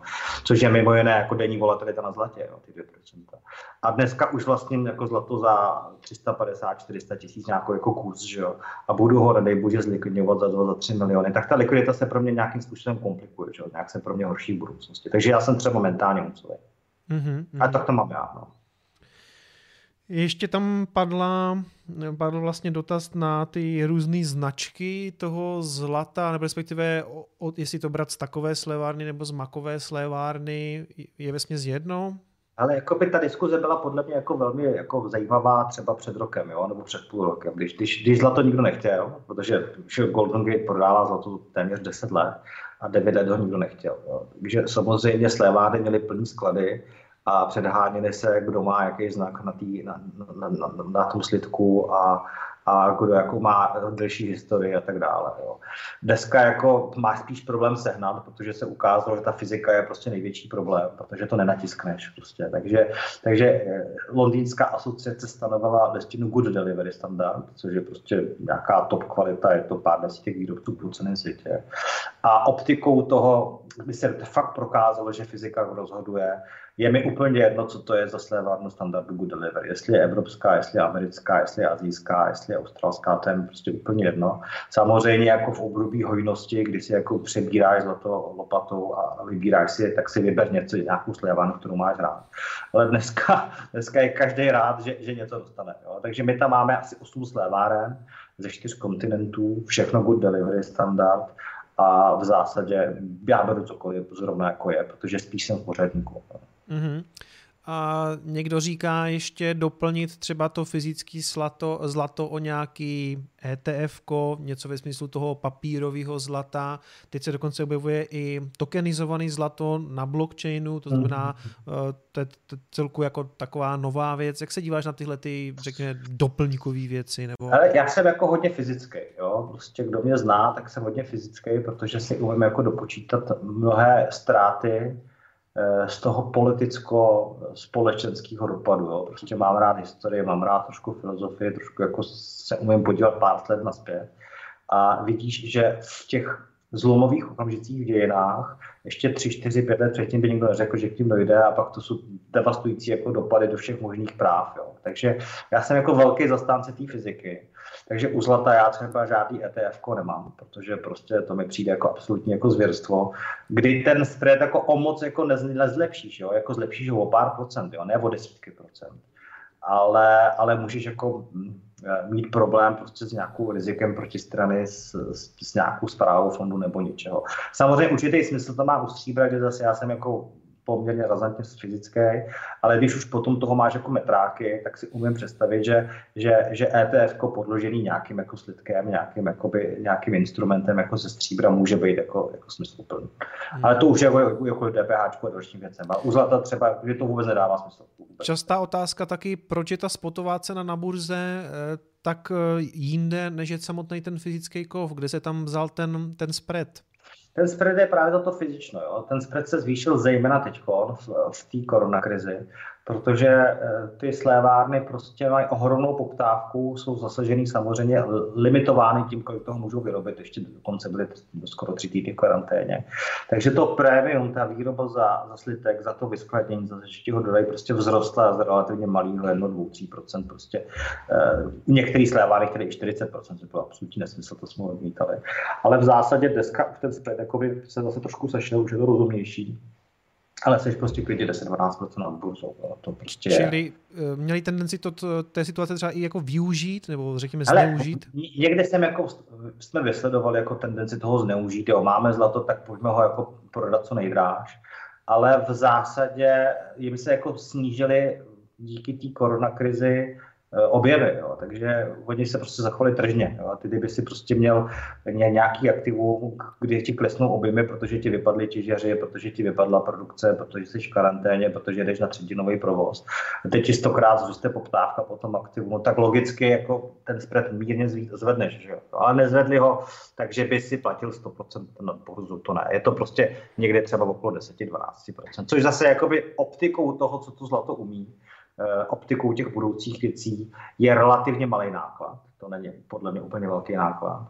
Eh, a pozor, máš to fyzicky, že jo? Já vlastně to vnímám tak, že za to fyzický zlato si rád těch 10% připlatím toho spreadu, protože to je ta pojezdka, to je to klidný spaní. I kdyby vypli druhý den elektriku, mm. i kdyby druhý den vypli prostě internet, kdy můžou být nahrání všichni, že jo, včetně kryptosvěta, že jo, když nepřevedeš data, tak v tom zlatě jako máš klidný spaní, jo. Prostě, jo, prostě jako to nevypnou. Že? Ten fond už ti vypnou. Že? Samozřejmě delší držba se ti fondově paradoxně může prodražit. Je tam nějaký jako vstupní poplatek, jsou tam nějaký fíčka, nějaký 3-4 desetiny procenta jo, za nějakou zprávu a tak dále. Takže kdybys to držel dlouhodobě, tak dokonce to fyzický zlato může být levnější paradoxně, než to, než to papírový. Mm-hmm. To znamená, že jako optika nějakého času. Jo. No, je pravda, že ono teďka třeba na Revolutu se dá eh, taky kupovat zlato, to mě co jako překvapilo. Tam se dá kupovat mimochodem i Bitcoin, ale nemáš tam přístup eh, k těm privátním klíčům, to znamená, ten Bitcoin máš v podstatě taky papírový, ač to zní jako zvláštně, že je to jak kdyby digitální věc, tak eh, jaký, jaký, ale vlastně to funguje tak, že ty to tam z Revolutu pošleš zase jenom na Revolut. Já o tom fyzickém zlatě taky vlastně říkám, že když máš to fyzické zlato doma, tak máš k němu jak kdyby ty privátní klíče v podstatě. Mít, bit, mít Bitcoin v ETF a mít Bitcoin prostě eh, v, v hardwareový peněžence prostě někde v trezoru, prostě u sebe doma je prostě jiný Bitcoin. Jo. No. A stejný to se zlatem. Jednou máš ETF nebo nějakou, prostě nějaký derivát, že jo, nějaký certifikát na zlato a jednou máš prostě cihlu zlata, kterou se pomazlíš, kterou někde zakopíš, kterou si prostě odneseš kamkoliv a, a to je prostě jako jiný zlato. Že jo. Na burze to vypadá ta cena podobně, ale prostě je to úplně jiná podstata. Jo. A já si myslím, že, že ty změny ve společnosti a v ekonomice budou tak daleko že připlatit si pár procent za fyzično se prostě vyplatí. Mm-hmm. Zmínil jsi několikrát stříbro. Eh, já všechny javce v těch kovech zase tak moc jako nevyznám. Eh, koupil jsem u, u vázu Golden Gateu prostě nějaký zlato, protože to je pro mě takový jako bitcoin eh, v, těch, v tom světě těch drahých kovů. Ty ostatní jsou v podstatě pro mě takový jako altcoiny, trošku taková spekulace. Mm, proč kupovat stříbro?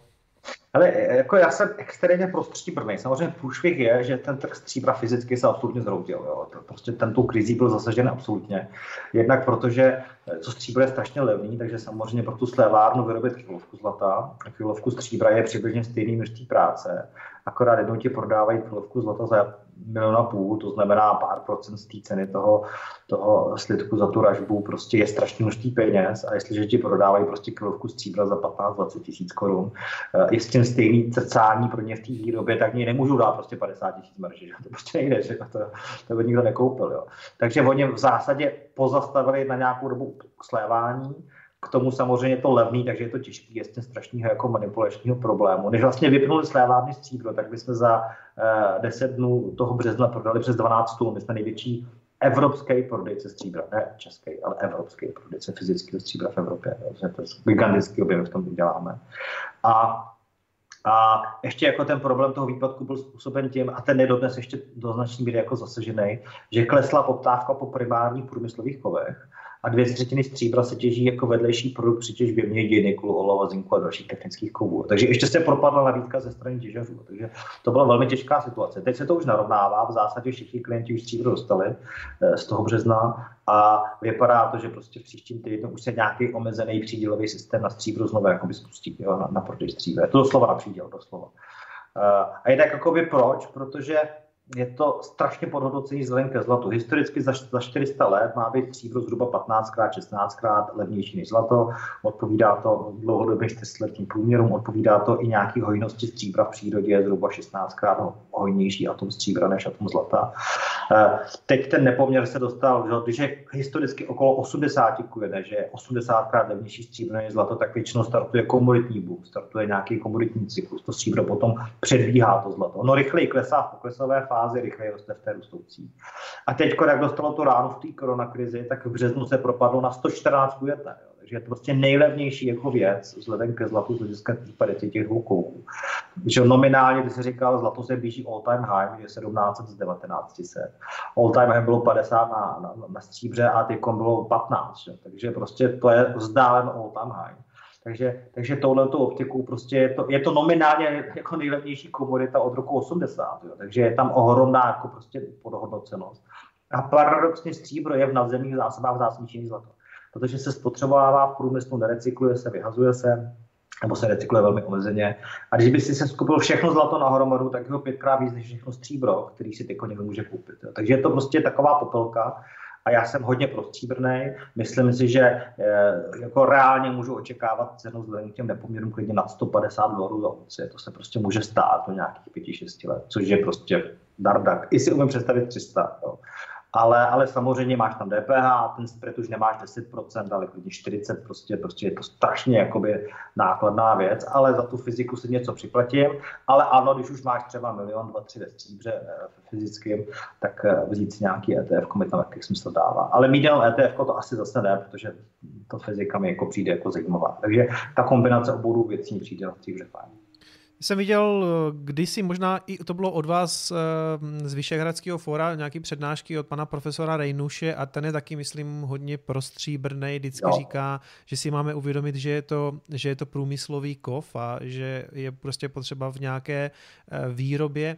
Nicméně eh, je to tak, že zlato je, řekněme, takový tradiční uložitel hodnoty a to stříbro je přeci jenom trošku jako spekulace, Ale jakoby z hlediska jako filozofie investování eh, je zlato i stříbro spekulace. Jo. Jestliže to není investice, která by generovala prostě nějakou přidanou hodnotu společnosti a tak dále, tak je to spekulace. Když kupuješ akci proto, že ji koupíš za 100 a prodáš za 200, tak je to spekulace, to není investice. Mm. Jo? Takže samozřejmě je potřeba definovat ty výrazy, ale samozřejmě zlato je pro mě absolutní jako jistota z hlediska toho měnového uspořádání, pořád z nějakých 4-5, jako je to ten měnový kov z 15%, ten, ten průmyslový. U toho stříbra je to naopak, zhruba z 80% měnový kov z 20 investiční. Ale z hlediska těch historických nepoměrů, je to pro mě prostě neskutečně zajímavá a výnosová věc. Ale samozřejmě spekuluješ na to, že koupíš stříbro za 15, za 20, nebo že prodávat za 150, za 200, takže filozoficky je správnější výraz spekulace než investice. Uh-huh. A ty další kovy, jestli můžeš třeba jenom v krátkosti, platina, paládium? Jo, asi bych oddělil to paládium, eh, že oba dva jsou v zásadě lize technický, do toho se investuje minimálně, do Paládia téměř vůbec ne, do Platiny trochu. Eh, a v zásadě zase významná část těch kovů, třeba 30-40% se používá v automobilovém průmyslu. Takže vlastně my jsme Paládium nezařadili do nabídky, protože je fyzicky velmi těžce likvidní, takže z toho důvodu jsme ho nezařadili. Byť jsem o to usiloval, firmě, ale prostě ta, ta likvidita by pro ty klienty byla strašidelná. A bylo to právě v té Dieselgate aféře, kdy dostali diesely strašnou ránu protože platina se používá v zásadě v dýzlových katalyzátorech a paládium v benzínových. Takže tam se jako ty dva kovy významně rozešly. Platina dostala ránu, že ho propadla se na dlouhodobý historický minima a, a paládium vystřelilo do těch nebes, že jo, protože všichni se bojí dýzlu, že jo, prostě zatracená technologie jo, a tak dále. Takže paládium je podle mě prostě včerejší bublina, kterou už jako asi moc smysl hodit nemá. Samozřejmě, kdyby si vybral, jestli mám vlastně cihlu Paládia nebo státní dluhopis Ameriky 20 let dopředu, no tak si koupím to Palladium. ale, ale z hlediska těch dvou kovů jako Palladium už jako moc asi jako nedoženem, ale ta platina se naopak jako propadla ještě díky té korona krizi velmi zásadním způsobem. A třeba od roku 70 zase měnou poměrové ceny, jo, poměrové ukazatele jsou pro mě lepší než oceňování v dolarech. Tak má být platina zhruba 1,4 krát dražší než zlato a dneska je zhruba 0,4-0,5 krát levnější zlato. Ten poměr je strašně jako v nepoměru vzhledem k podhodnocení platiny. Takže si myslím, že platina jako je velmi zajímavou alternativou. Může být jako dobrým investičním nástrojem. Pozor, jako diesely podle mě nejsou mrtví, protože dneska vyřešili emise oxidu dusíků. Eh, jsou to efektivnější motory než, než benzíny, mají lepší kompresní poměr, větší efektivitu, takže ty mm, sankce za emise oxidu uhlíku prostě jsou tam nižší. Velký silný auto v zásadě, protože jako dává smysl podle mě jenom s dieselem. A další věc je ta, že uh, není jistý, nebo já si nejsem přesvědčen, že elektromobilita tak, jak je dneska projektovaná, se povede. Jo, mm. Myslím si, že na to infrastrukturou prostě nebudeme stačit eh, reálnýma zdrojema. A myslím si, že se do hry může vrátit vodíkový pohon. Mm. V těch palivových článcích potřebuješ eh, na ty katalytické procesy platinu. Jo. Takže, takže to může být velmi zajímavá sázka do budoucnosti. Jsme, jsme na kryptokanálu, takže technologie máme rádi. A, a, a máš tam ještě takový to výhodu toho, že za milion stříbro to je prostě 50 kg nebo 40 za milion platiny prostě dvě kila, jo. takže jako, je to takový, jako, že, že ještě jako dokáže schovat do relativně malého množství relativně dost peněz. Takže já si myslím, že platina paradoxně může být jeden z těch zajímavých kovů. A když to měl se řadit, tak bych prostě dal jakoby větší část do zlata, druhou velkou část do stříbra, když jako si chceš zaspekulovat a asi trošku fanda do automobilového průmyslu a tak dále, a už nevíš, co z keší, že už máš spoustu kryptoměn a máš nějaké nemovitosti, eh, tak si prostě kup taky platinu, to je prostě správně. No, já určitě zase, že bych tady přehraboval úplně peníze v Vidleman, tak na tom jako nejsem, takže já platinu... Nemyslel jsem to kupovat přímo na tebe, já ale vím, já vím. obecně na toho investora. Jasně, jasně, já vím.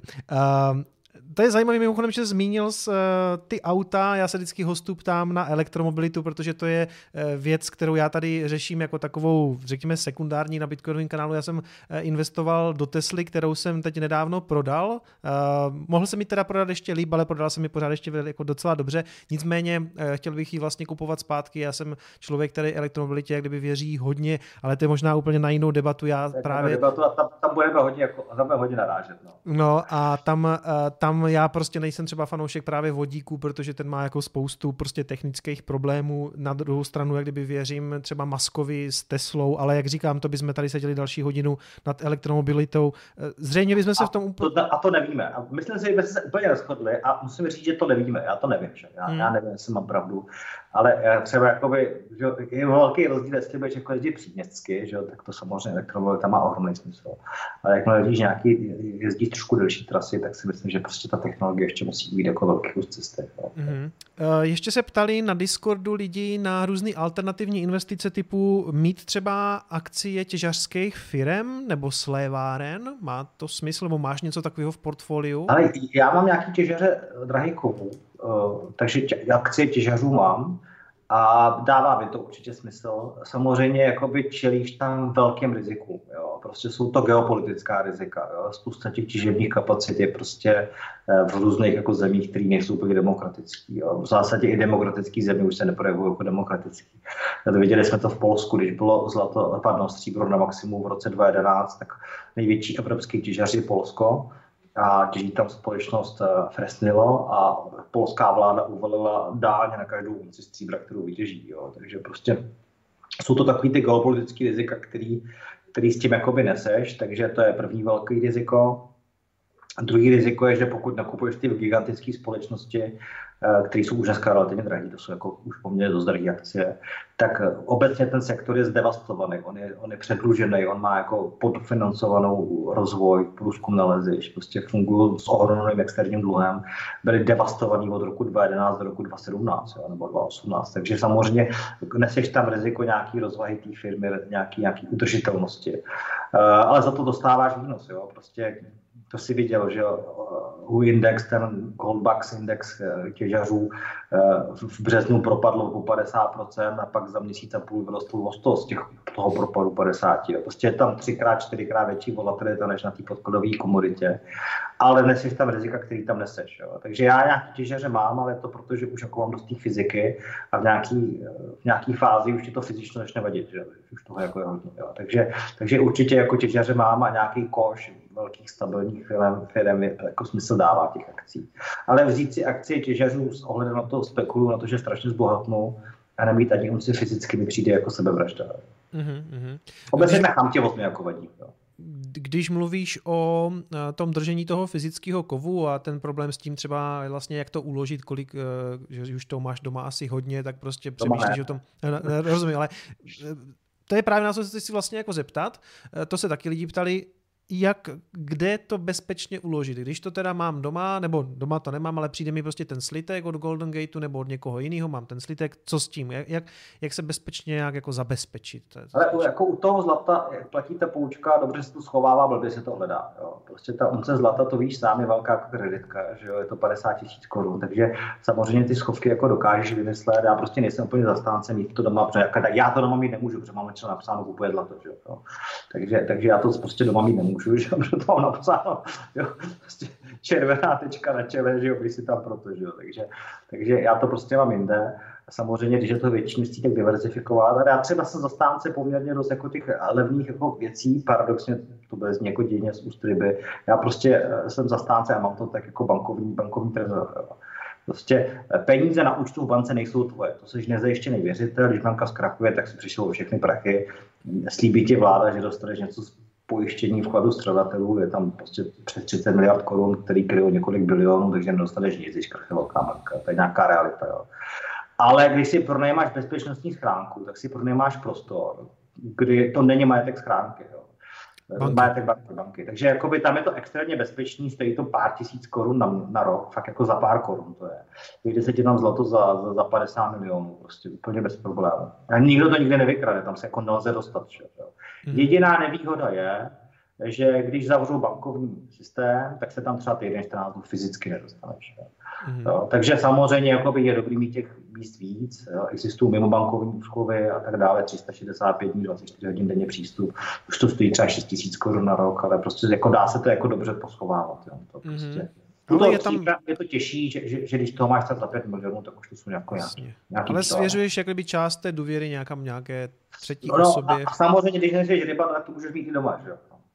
Jo, Dobře, OK. Takže nemáš na čele napsáno kupuješ zlato. Rozumím, rozumím. Ale... A Obec, eh, ještě mě, to se, tam, to se tady někdo ptá taky a ptali se i na Discordu, jak ty konkrétně máš zhruba rozložený svoje, svoje bohatství, řekněme, mezi eh, různý aktiva. Zajímá mě samozřejmě, je mi jasný, že to bude nejvíc asi v drahých kovech a samozřejmě mě zajímá taky, kolik eh, třeba procent máš v kryptoměnách, v Bitcoinu. Já jsem jakoby z větší části v těch kovech. Prostě to je, to je logický, protože prostě je to pro mě, tam je podle mě nulový riziko jako protistrany, není tam riziko toho systému, je to dobře načasovaný z hlediska té drahosti, levnosti. Takže tam jako je velká část. Mám samozřejmě nějaké jakoby nemovitosti, ale ne na nájem, spíš jako pozemky nebo nějaké takové věci jako blbá likvidita, ale v zásadě zase fyzično a, a, a dá se to jako někdy jako v budoucnu vykyšovat nebo na tom něco postavit, takže to je takový jako diverzifikace tím směrem. Určitě bych dneska nekupoval investiční byty nebo nemovitosti, to je, to je sebevražda podle mě jako z hlediska, z hlediska té návratnosti. A ještě ten trh projde nějakou korekcí, jsem o tom přesvědčený, že budou klesat nemovitosti, ty nájemní. A a potom jakoby samozřejmě nějaký ty akcie těžařů a tyhle ty věci, tak to, z toho jsem zastánce, já jsem hodně akciový, kdo mě zná z Golden Gate, tak já jsem víc než zlatý, tak jsem víc akciový, akorát si kupovat levné akcie, ne, ne drahý, že jo? takže ne při dividendový výnos 2%, když má být historicky téměř na pěti, že?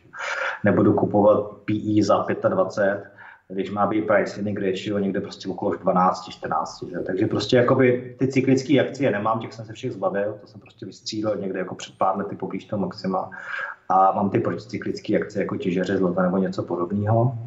A potom jako jsem dost krypto na, na, na, na toho fyzika, jo, takže to bych řekl, že pořád 10% jakoby bude. Mm-hmm. Což mě přijde hodně.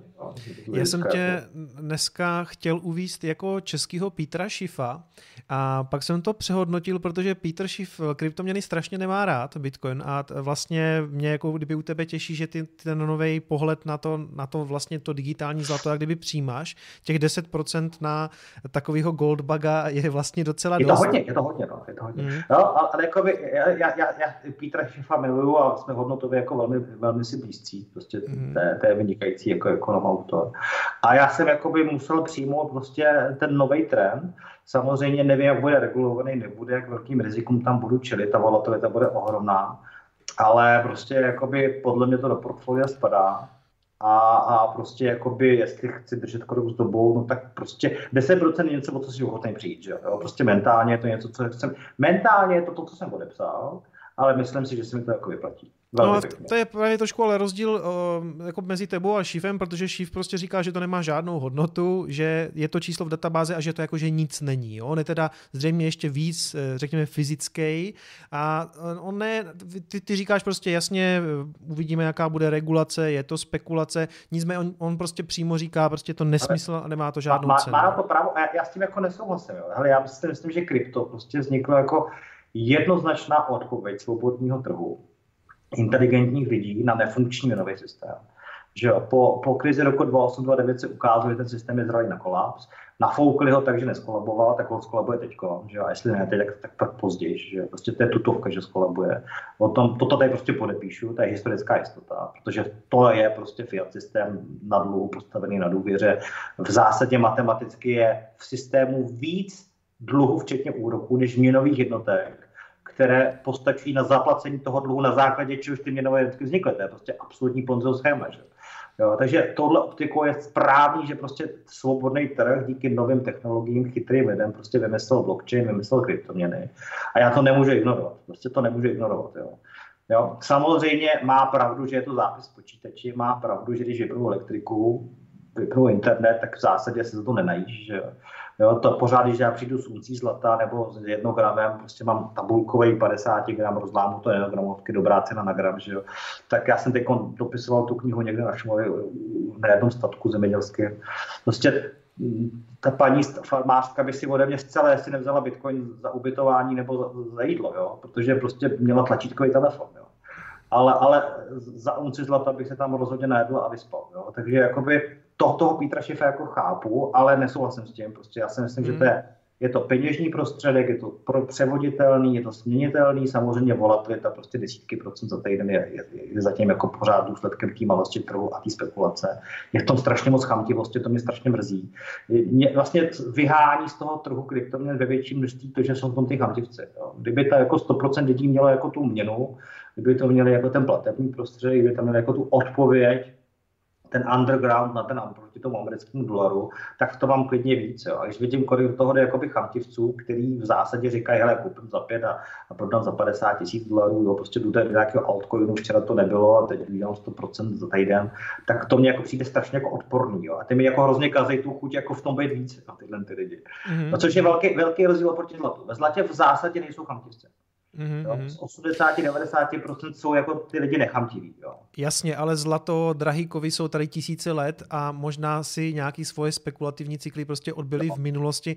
Já si myslím, že to primárně a. o tom, že ty, ten Bitcoin má prostě dneska 11 let, jo, to je prostě, to, to, to, to není ani teenager, a, a do toho máš různý altcoiny a různý projekty, ze kterých my vůbec taky jako nevíme, co bude. A já vůbec nerozporuju to, že je v tom jako velká část jako nějaké chamtivosti, možná třeba, já mám taky nějaký altcoiny, eh, který... Máme to v sobě každé, já to taky u kterých, mám. Že? U kterých prostě třeba čekám nějaký jako zhodnocení. Na druhou stranu eh, mám třeba pocit, že t, ta moje generace to má tak, že to je takový, taková jejich třída aktiv, ve které, eh, protože všechny ostatní už rozebral Wall Street, řekněme, jo? všechny akcie jsou prostě různě nafouknutý prostě centrálníma bankama, zlato je Eh, pro člověka, který je, řekněme, mladší, jako kdyby hůř, možná pochopitelný. Já jsem k němu vlastně došel přes kryptoměny paradoxně.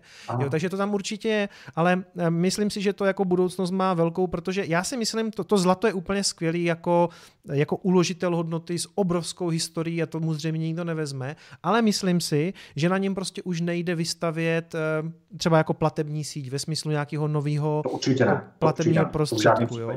jo, že bys toho, že nevrátí se zřejmě mě zlatý standard, protože eh, politici ho prostě nikdy nepřijmou a nejde nad ním ani postavit nějaká platební síť, protože to je to často právě říká Šiv a já s tím strašně nesouhlasím. Říká, můžeme vydávat tokeny nad zlatem, já to zlato budu tady hlídat a nad tím si budeme posílat tokeny. To byl e-gold, který prostě umřel, protože tam prostě vždycky někdo přijde, buď to někdo vykrade ten sklad toho zlata, tím pádem ty tokeny jsou bezceny, nebo, nebo prostě vláda řekne, ne, ne, ne, vy si děláte vlastní peníze. V tomhle vlastně ten Bitcoin je jako úplně skvělý.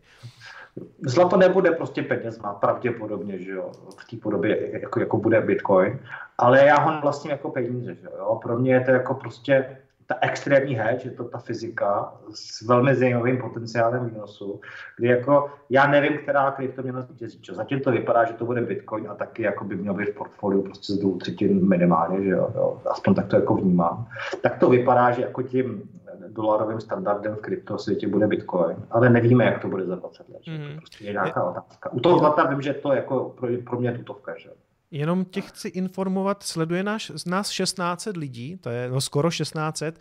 Já hmm. vím, že vy jste rozesílali i do své sítě mezi třeba svoje zákazníky tenhle ten odkaz, takže přátelé, já bych chtěl jenom říct, že já se tady na kanálu věnuju samozřejmě hlavně kryptoměnám Bitcoinu, takže kdyby vás to zajímalo, tak mrkněte tam nějaký moje videa. Myslím si, že zásadní je třeba číslo 5, co je Bitcoin, jak funguje blockchain. Pokud jste do toho třeba ještě nepronikli a máte rádi to fyzický zlato, tak já to naprosto chápu, ale myslím si, že i tady s Pavlem se zhodneme, že eh, je to příjemný, řekněme, doplněk i do takového konzervativnějšího portfolia. Nebo... Já, já se považuji za konzervativce a jsem v tom relativně dost zabočený, aspoň teda proti Pítrovi. 10, 10% mě v celku i překvapilo. Já jsem myslel, že řekneš třeba jako 3, 5%, 10% no, je dost. Já, já, jsem jako, já, jsem, já jsem dost jako krypto na, a... na, na svůj mentor. A taky jako, já jsem ještě jak věkově jeden než ty, jo. On to jako nevypadá, ale jako mě už táhne na 50, že už jim jako přes 40, že jo. Takže, a já nenávidím technologii, jo. Pavel Kupka, že jo, můj parťák, spoluzakladatel firmy je ITák, je to programátor, prostě miluje jo, krypto, miluje prostě informace, vyjde nový telefon a ono musí mít. Já to nenávidím, že já jsem přešel z papíru diáře jenom kvůli tomu, abych uřídil velkou firmu na elektronické, ale v zásadě jako mentálně jsem papír, jo. Mm. jo já prostě jako bych a přesto máš prostě jako krypto, no. To protože, no. protože to mám z toho filozofického pohledu. Jo, jo. jo. Chápu to, že prostě přes, když studuješ měnový systémy, který mě dostali ke zlatu, tak prostě nemůžeš z té analýzy možných budoucích scénářů podle mě vynechat krypto. To už podle mě nejde. Jo. Takže touhle optikou jsem prostě přijmul tu myšlenku, že je správný se o to zajímat A, a samozřejmě je tam, mám tam nějaký altcoiny a tak dále, protože si říkám, když už jako je v tom tolik chamtivosti a spálili se před třema rokama, tak, tak proč do toho jako, jako nenastoupit. Zase přijdou blázni, to se spálí, že jo, tak jako těch pár procent jako si můžu i hezky rozmnožit. Mm-hmm. A, a, takže jakoby takže to, to manželka vidí. Já prostě se snažím počítač nevyměnit tak dlouho, dokud jako běží jenom proto, abych ho nemusel přeinstalovávat. Že jo? Prostě, to je správně. No, no, nová, je, to, nová, je, to, je to ekologický taky, že jo? Prostě. No, nová aplikace v mobilu znamená, jako, že, že, že, se ho začnu bát, jo? takže prostě já jsem opravdu jako, jako ta druhá strana, jo? ale, ale přesto jako musím říct, že krypto nelze jako podceňovat. Jo. Ty říkáš eh, v tom svém portfoliu, uh, říkáš hlavně Bitcoin, já to mám stejně, i když z začátku jsem to třeba neměl, ale postupně jsem došel k tomu, že dneska mám v portfoliu 75% Bitcoinu, někdy 80 podle toho, jak se ty altcoiny zrovna jako vyspí, jak já říkám. Ale zajímá mě teda, říkáš, eh, že třeba ze dvou třetin seš Bitcoinu. Mm, co tam máš dalšího? Jaký altcoiny držíš? Ale spíš to držím podle kapitalizace. Jo. Snažím se jakoby... Něco v první já, desítce, jo? Třeba. No, něco v té první desítce. Jakoby já uh, nerozumím těm technologiím, nemám jako čas se o to zajímat. Jo. Prostě ty v tom žiješ, ale já mám tolik práce jako s tím, abych udržel krok tou reálnou ekonomikou, s tím investičním světem, že mám hroznou zodpovědnost za víc než 30 tisíc klientů, takže jakoby pro mě je to takový, že, že, že o tom kryptu, jestli prostě je to 3% informace, které jako pojmu, tak je to strašně moc. Takže já vlastně nejsem schopen jako uhlídat eh, nějaký nový trendy, nový směry, takže pro mě by jakákoliv sázka do nějakého malého altcoinu bylo, že mi Franta v hospodě poradil. Jo to pro mě prostě není jako dostatečně velký důvod, důvod abych něco udělal. Jo. Takže prostě jako selským rozumem jdu podle kapitalizace. A to jo. ti doporučil třeba Pavel Kupka? Tu, ne, ty... tomu jsem došel sám. jo, jo. Sám. Takže předpokládám, že máš něco jako Ethereum, Litecoin. Přesně, přesně tyhle mm. ty mhm. věci. No. A já prostě jako opravdu nejsem schopen jako uhlídat ty nový trendy, že jo, nový, nový směry. Ne, to protože... tě, nebo já tě nebudu mučit na No, ale to, přesně to, co vyjmenováváš, tak tam prostě mám. Jo, jo, jo, jo. Já to je taková, řekněme, moje velká trojka, nebo vždycky byla, tak jako... No, moje, moje taky. Bitcoin, Bitcoin vždycky jako, ten tím jsem začínal tak, že jsem vlastně žádnej neměl mimochodem, koupil se, protože já si myslím, že se pořád ještě podceňuje a to určitě uvidíme v tom dalším cyklu. Přijdou lidi a nebudou si moct koupit celý Bitcoin a ta touha mít celou tu jednotku, je prostě pro člověka hrozně lákavá. Takže z toho podle mě budou těžit znovu ty altcoiny, protože prostě eh, za tu tisícovku ten, ten Litecoin dneska si řekne, že levnej, Ethereum je dneska za nějakých 230 dolarů, takže za 5000 ho taky třeba někdo koupí. U toho zlata je, že když si řekneš, že budeš třeba kupovat eh, gramové slitky, ale možná taky mají lidi touhu jít třeba po tom uncovým slitku, Unce a samozřejmě, kdo je bohatý a šáhne si někdy prostě na nějakou půlkilovku zlata, jako fyzicky, když se na ní šáhne, tak to je magický. Jo. Prostě když cítíš tu ohromnou hustotu, prostě teď je to položí ten malinkatý kus někdo na tu ruku, teď si to propadne. Že jo. Těžší jsou v zásadě že no, jako nějaký uranový no transuranový jako prvky. Že jo.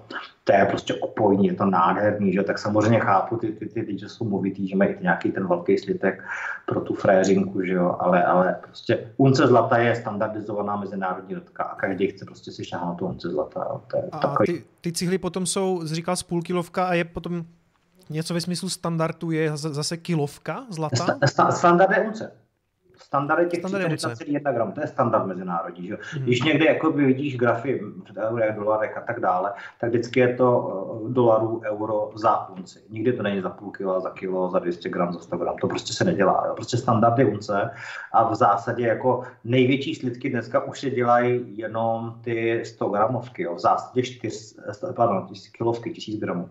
Eh, v zásadě ty 400 unce, ty, ty bankovní pruty, to známe z toho Jamesa Bonda nebo z těch, těch těch filmů, že takový to, co tam po sobě hází, to peněz zvedli. A, tak těch, tak těch 12,5 kg, že koncentrovaných, to se všechno začalo přetavovat v posledních deseti letech na ty kilovky a moc se dneska nedělají, moc ne. V zásadě ruský slévárny ještě jako jedou ty 400 tunce, ale v zásadě se standardem v tom bankovním světě stává kilovka.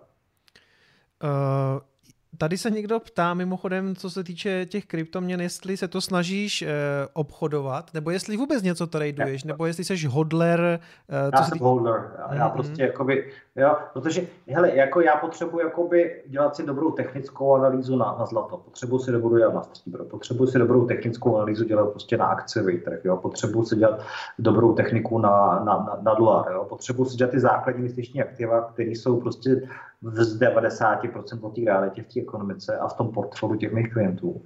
A mm, samozřejmě, že jestli jako máš dobře tradovat, tak potřebuješ jako je techniku a já ještě jako nejsem úplně technický obchodník z hlediska jako jiných komodit nebo prostě investičních aktiv. Já potřebuji tam mít jako porozumění tomu fundamentu. Jo. Prostě jít do protipohybu jenom proto, že prostě jakoby to narazilo do dno. Prostě nejsem ten typ obchodníka. Jo. Takže, takže tou optikou, že já těm kryptoměnám vlastně nemám čas rozumět, nemám čas jako jim, se jim věnovat tak, abych jim rozuměl. Uh, teď ta volatilita je strašidelná, tak prostě jsem se rozhodl, že je nebudu tradovat. Prostě mm-hmm něco jsem koupil, občas něco přikoupím a jenom protože jako už jako prostě třeba zbyly peníze a vím, že to neudělám, neudělám to asi blbě, když bude jako z těch 80-70% prostě Bitcoin, protože si myslím, že ten restart systému přijde a krypto prostě bude jednou z alternativ, kam ten kapitál může utíct. A jinak si prostě jedu s té dvou třetí prostě tu fyziku, to zlato, stříbro, mm-hmm. k tomu si něco nějaký krypto, občas nějaký těžař a, a, a nemovitosti už jako ty pozemky víc přikupovat nebudu, protože si myslím, že ta likvidita bude špatná. Jo. Mm-hmm. A mám jako vyřešený portfolio klidný spaní. Rozumíš, já tady na kanálu v podstatě pořád do kolečka opakuju, že ten hodl se nakonec vyplácí nejlíp, nebo ať si někdo zkusí klidně třeba tradovat, já nevím, desetinku toho kapitálu, co tam dál, možná, já to netraduju vůbec, i když jsem tam jako eh, ve svých videích technickou analýzu jako dělám, ale to je spíš taková, já tomu tady dokonce říkám šarlatanská analýza, protože je to spíš taková jako zábava, ale protože na těch kryptoměnách ta technická analýza to je um, jako řekněme velmi náročná disciplína, kdy při té kapitalizaci samozřejmě prostě nemůžeš vědět, co se stane zítra za 10 minut jako, jako denní pohyb 20% prostě ti v zásadě znemožňuje dělat jakoukoliv stopku nebo jako jakýkoliv nějaký bezpečnostní limit, že jo, který prostě dává nějakou logiku z nějakému, nějakému money managementu, to prostě jako neuhlídáš. Jo. Chápu, že někdo takhle traduje kakao, bavlnu, kukuřici, pšenici, ropu, prostě, no ropu ne, že to teď taky ne, že. Zá, zá, záporná cena za dodání v květnu prostě ukázala, že jako konvenční jako futures kontrakty může prostě vyšplouchnout jako zásadním způsobem. No. Ty gapy jsou velký, ale jako pořád to dává pro mě jako větší smysl, kdybych to chtěl dělat, tak to radši budu dělat takhle, než prostě tradovat eh, kryptoměny. Jo. Prostě tam jako si myslím, že ten holder, prostě ten, ten kdo to dlouhodobě že prostě nakonec bude líp. Jo. A jako v zásadě mě to jako dráží, spousta lidí prostě není úplně majetných. Neřekl bych, že jsou prostě profíci na spoustu věcí, a, a prostě si přečetli nějakou knížku o tradingu a v zásadě s holým zadkem jdou někde jako vohornou část svého majetku tradovat prostě a myslí si, že vyzrajou. Přitom statisticky ze 76% prohrávají. Jo. Takže hmm. To by přijde sebevražda těch lidí, kdyby radši ten čas, co prosadí toho kompu tím analyzováním, věnovali tomu, že získají nějakou kompetenci v podnikání, v prodeji, v managementu, ve své profesi, kterou dělají, že jo, nebo prostě rozjedou si nějaký biznis a, a, a v vozovkách to do toho krypta dávají prostě, protože tomu věří, tak pro mě na tom budou jako líp. Jo. Já souhlasím, já souhlasím určitě. No. Uh, někdo může v tom tradingu samozřejmě uspět být dobrý, ale pojďme si říct, že to bude prostě totální minorita. No. Statisticky, statisticky to bude minorita. Uh-huh, uh-huh. Uh, se tady už dívám pomaličku do těch otázek, protože je půl, takže... Co nám to uteklo, ty jo? Jo, já, já jsem si to užil jako velice. Probrali jsme toho strašně moc a měl jsem taky pocit, že se bavíme tak 4 hodiny a ono už je půl desáté. No. Uh, to jsem rád, že jsi to užil. Každopádně jsou tady ještě ty otázky od těch diváků. Takže eh, George se tady ptá, jak nahlížíte na Bitcoin, jako na digitální zlato a myslíte si, že někdy Bitcoin nahradí nebo překoná nebo minimálně vyrovná pozici takzvaného safe haven, jako je to u fyzického zlata? Já si myslím, že ne, že to jsou jako dvě odlišné aktiva. To, to chci prostě zdůraznit. Já si myslím, že zlato už se nestane peněžním prostředkem protože to politici nedovolí a myslím si, že prostě doufám v to, že jednoho dne budeme nějaký inteligentní kryptoměny používat jako peníze, jo? rozšířeně masově, byť dneska už tak fungují. Takže si myslím, že to jsou jako dvě odlišné dvě odlišný aktiva a byť filozoficky prostě zlato je, je jakoby eh, těmi penězi v tom smyslu toho zúčtování s tou fiat měnou z hlediska toho dlouhého ekonomického jakoby, cyklu. Chápu toho Petra Šifa, absolutně s tím souhlasím, ale myslím si, že tyhle ty dvě věci prostě nelze jako dávat na, na, na rovnítkovat. Obě dvě vznikly uh, jako nějakou odpověď, nebo takhle. Uh, Bitcoin, Bitcoin nebo kryptoměny jsou odpověď na nefunkční měnový systém. Eh, zlato bylo základem měnového systému a penězi vždycky. A v zásadě tady máme pokus jménem americký dolar v podobě fiat systému. Těch systémů fiat bylo několik set v historii lidstva. A zatím 100% selhalo kolapsem. Jo, většinou neplačně. Že? Prostě zatím jediná fiat měna nepřežila. Jo? Takže v zásadě zlato je ne alternativa, zlato je ten základ. Že jo?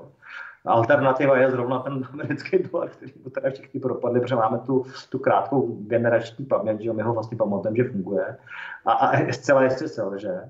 A, a Bitcoin je nějaká odpověď inteligentních lidí, svobodomyslných lidí a, a technologií na to vymyslet lepší peníze, než máme dneska. Jo? Ale jsou to jiní aktiva. Jo?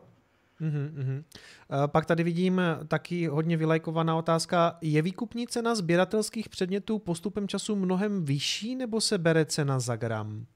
No, ta odpověď je, komu prodáváš. Jestli budeš prodávat sběrateli, tak je logicky vyšší. Přes sběratel připlácí za to, že sbírá. Jestli budeš v krizi likvidity, žádný sběratel zrovna nebude ochoten koupit a budeš prostě nucen tu sběratelskou minci prostě s příběhem střelit za cenu zlata, Eh, tak střílíš za cenu zlata. Jo? Takže prostě já, já vždycky říkám, jakoby mít sběratelských mincí pár je fajn, když to sbíráš a znáš tu komunitu, umíš to tam zlikvidnit.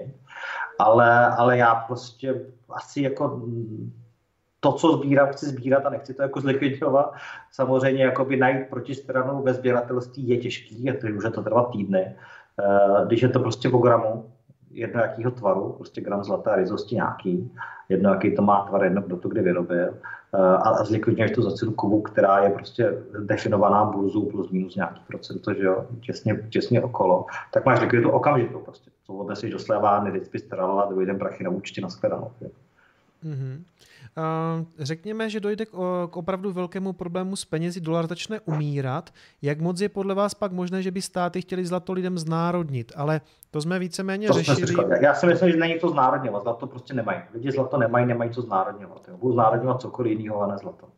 Pak je tady dotaz zase na skladování, to já jsem probral taky. Ano. Uh, Není podle vás stříbro oproti zlatu podhodnocené? To jsme víceméně taky řešili. Zá, že zá, zásadně, jo. Prostě prostě zásadně podhodnoceno a bude na něm mnohem větší výnos než na zlatě. O tom jsem hluboce přesvědčený. Opět na Bitcoin, jestli ho vnímáš jako konkurenci, ale to v podstatě teďka taky zhrnul. Jako, že ale patří to k sobě prostě, jo. jo. Kdo je jako mladá generace, kdo je kryptofanda, tak chápu, že bude větší část v kryptoměnách než ve zlatě. Jo. Kdo je ta stará škola, tak bude větší část ve zlatě než kryptu. A podle mě to k sobě spadá. A myslím si, že mentálně si jsme jako bližší, než to vypadá. Jo. Mm-hmm, mm-hmm. Uh, jak se díváte na spoření domincí a jejich případný výkup oproti investičním slidkům jsme taky víceméně řešili asi.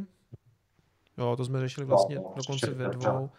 A kam se až může podle vás cena zlata jednou vyšplhat? No, to, já si myslím, že já, já, já kdy chci prodávat své zlato a budu ho vyměňovat za akcie, protože já jsem fakt mentálně akciový. Tam. To filozoficky správný vlastně ta akcie, je tam dividenda, prostě reálně měníš ekonomiku, něco vytváříš. Prostě. Samozřejmě nejsem zastánce těch, těch úletů typu Amazon a Tesla, byť chápu, že teď si tady bořím jako posluchači, když to říkám na kryptokanálu. Já jsem zastánce jako těch, těch jako tradičních firm jo, s reálnýma věcma ale to je prostě jako věc filozofie, já se můžu mílit, že jo, to spíš jako já vždycky chci dělat věci, které jako jsou s jinými hodnotama, jo, prostě nějak, nějak tak to jako mám vnitřně. Tak to, kdy bude jako zlato prodávat, bude prostě někde Dow Gold, jo, eh, jedna ku jedný nebo pod jedna ku jedný, jo. Když bude stát Dow Jones 20 tisíc dolarů, a unce zlata 20 tisíc, tak je to pro mě prostě prodej. Jo. Jestli bude prostě stát Dow Jones 5 tisíc bodů, dneska stojí 25 nebo kolik, že jo, zlato 5 tisíc, tak prodávám. Jestli bude Dow za 50, a tisíc a zlato za 50 tisíc, tak prodávám. Cokoliv jako nad jedna, podle mě ještě se nevyrovnala nerovnováha. Jo. Hmm. Jo, takže to je pro mě jako cena. Jo. A inflace řekne, jak bude vysoká. Jo. Myslím si, že v dnešním dolaru do pěti let vidím tu cílovou cenu 10 až 20 tisíc dolarů za unci, spíš 15-20, tam jako to přestřelení vnímám. A, ale jako to se bavíme v dnešním dolaru, dolar může být za tři úplně jiný. Že? Mm-hmm. Um, malá otázečka zně číslu v databázi klientů Golden Gate spojené množství kovů s měnami a adresami v případě hackerského útoku, jestli by to nebyl problém. Kdo má kolik kovu? Ale jakoby musí zákonové součetnictví, takže prostě musíme dodržovat zákon, takže ten nějakým způsobem vedem a musíme dodržovat prostě legislativu, která je. Takže samozřejmě eh, je to datový záznam, který musí existovat, takže hacker samozřejmě by se mohl jakoby někdy jakoby zkusit hloupat.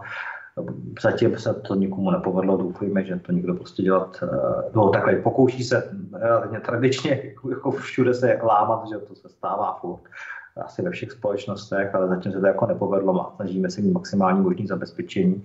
A my těch dat jako opravdu sbíráme absolutní minimum, jo. my máme velmi málo. Jo. To no, v podstatě kryptoburzy sbírají ty stejné data, že? Stejný, to, to, to je totožný, prostě musíme no, sbírat ty a tam je ještě druhá věc, že uh, u těch kryptoburs pak ještě hrozí samozřejmě to, že tam přijde nějaký státní orgán, který to bude chtít taky všechno jako vědět, nebo na to má v podstatě ze zákona právo. Uh, mně teda přijde dobrý uh, třeba u toho zlata, že se aspoň třeba neplatí DPH. To, to mě Ale není tam DPH, není, není tam ani, jako, když to koupíš jako fyzická osoba, tak neplatíš ani daň ze zisku. Jo. Prostě v kryptosvětě, když koupíš prostě za tisíc a prodáš za deset, tak z těch devíti zaplatíš daň. Z hlediska jako toho daňového zákona v České republice kupuješ fyzickou cihlu zlata. Kupuješ cihlu prostě. Jestli je mm. z líny, jestli je prostě ze zlata, už nikdo neřeší. Eh, eh, když to není jako zahrnuto do obchodního majetku, tak se z toho zisku prostě daň neplatí. To je prostě další ohromná výhoda. A ještě jakoby ten dotaz, kdyby došlo k tomu, že úřad nebo kdokoliv přijde a řekne, dejte nám prostě adresy těch, kdo něco koupili, tak jediný, co prokážou, že ten člověk v minulosti zaplatil za zlato.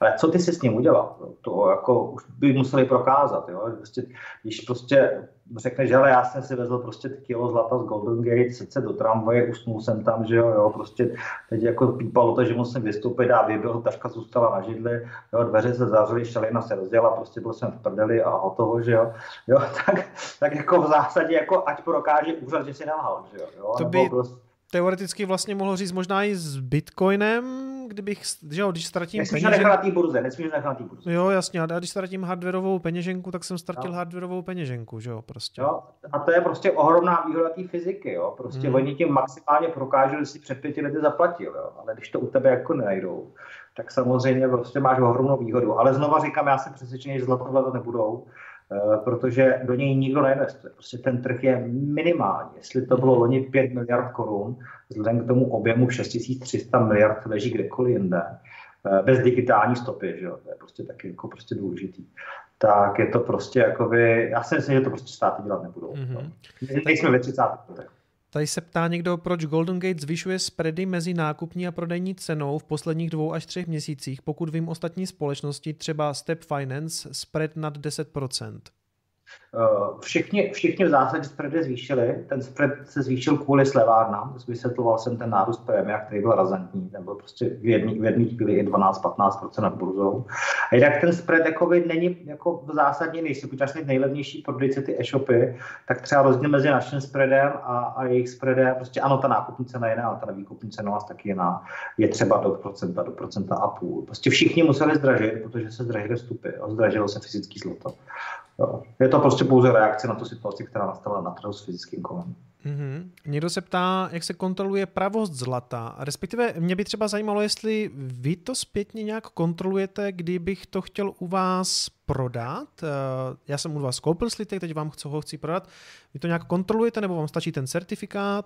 To, ono záleží, jaký slitek si koupil. Jo? Já jsem uncovej nejenom z důvodu likvidity, z hlediska jakoby té velikosti toho slitku a už jako poměr výkon cena likvidita je tam asi optimální.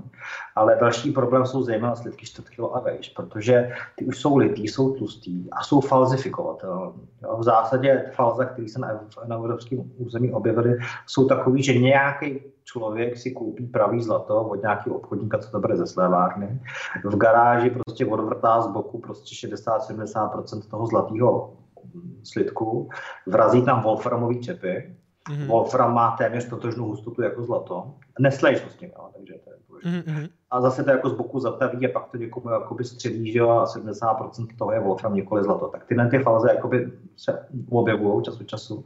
Ale to neuděláš na unci. Ta unce je prostě eh, ražený plíšek, tloušťka zhruba 1,6 mm, jo, poznáš na něm každý škrábnutí, nevložíš dovnitř wolfram nějaký po domácí dílně a tak dále.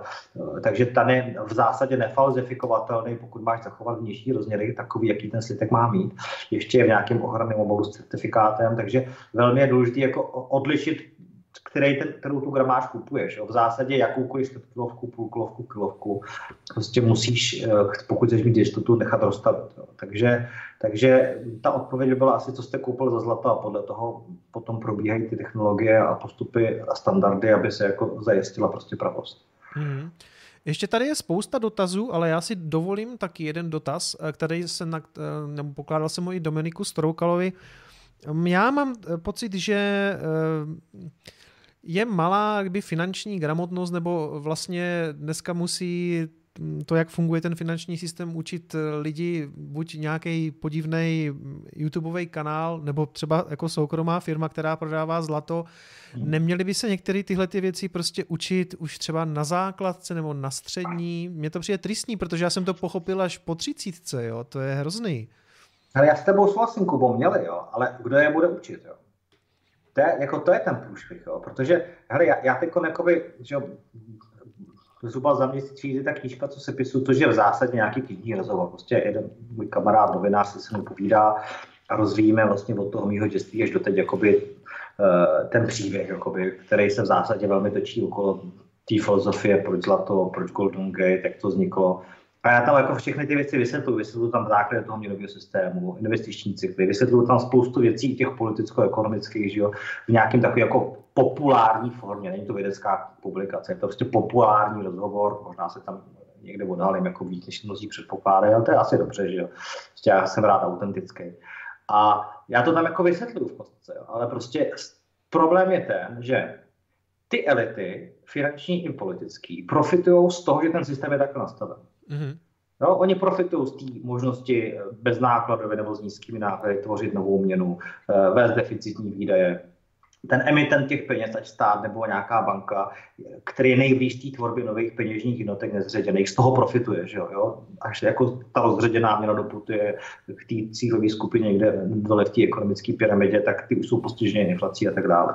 A vlastně těm, těm strujcům toho systému, nebo těm, kteří se aktivně na něm jako podílejí nebo přiživují, možná jako řekněme velmi přesně, by nevyhovovalo, aby tomu masa rozuměla. Masa tomu nesmí rozumět, protože by tomu systému přestala věřit a začala by hledat cesty cesty ven, že?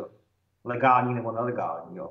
A ten systém by samozřejmě eh, se stal zranitelnější a zhroutil by se. Takže jako já se obávám, že prostě, eh, jak už to řekli státníci, prostě při vzniku centrálního bankovnictví, kteří varovali před vznikem centrálního bankovnictví, že ta edukace prostě bude pořád na těch soukromých firmách, bude na těch osvícencích, bude na těch prostě uh, ekonomech, které neplatí FED, neplatí ministerstvo financí, neplatí je centrální banka, ale prostě uh, chtějí říkat pravdu do médií, pravdu prostě vydávat v nějakých knížkách, v nějakých seminářích.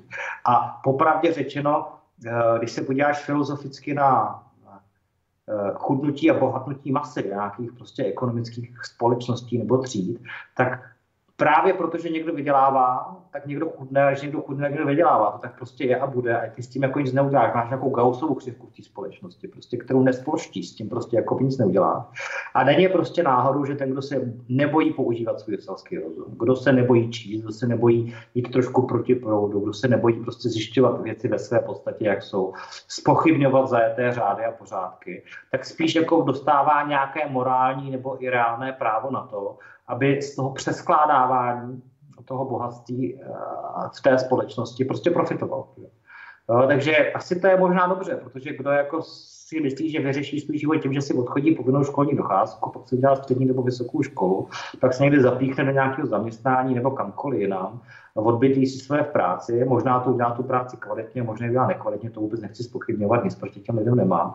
A večer to vyřeší fotbalem, hokejem, pivem, buřtem nebo hospodou asi má menší právo na to, aby byl úspěšný a bohatý, než ten, kdo místo toho prostě se vzdělává nebo podniká nebo maká na sobě, hledá cesty, prostě zaslouží si prostě to, aby měl nějaký informační náskok.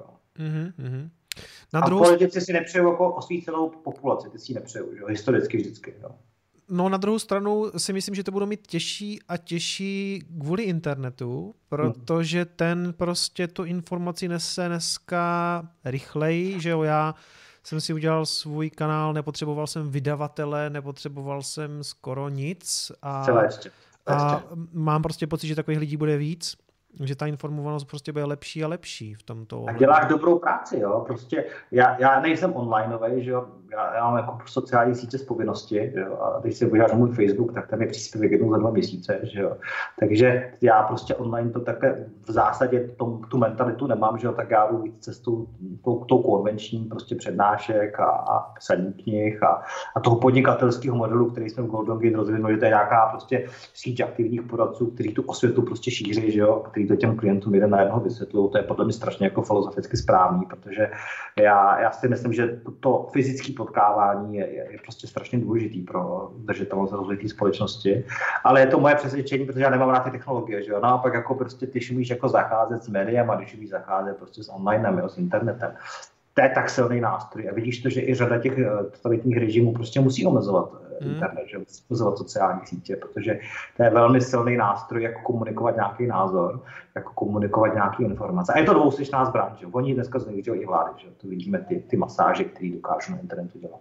Hmm, tak Čína je tím proslula, že, že v podstatě ta byla schopná mm, vlastně vystrnadit ze své země i Google, takového giganta, tam mu to úplně sebrali, takže nejde to úplně, nebo zatím jsem rád, že my žijeme jako v relativně velmi svobodné společnosti, bych řekl, že můžeme být jako rádi.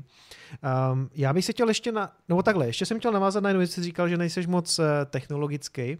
Já bych měl možná jeden návrh na zlepšení, který můžeš provázet se svýma kolegama. Já bych ještě doporučil, kdyby Golden Gate měla třeba apku, vyloženě prostě pro smartfony, kde si můžu hlídat ty zůstatky, jo? jakože to by se mi třeba ještě ale, líbilo. Ale, ale Kubo, pracuje se na ní. Super. Ale akorát, akorát nás jako zastihla korona, jo? takže mm. ta, ta korona jakoby nás jako těžce trefila, že jo?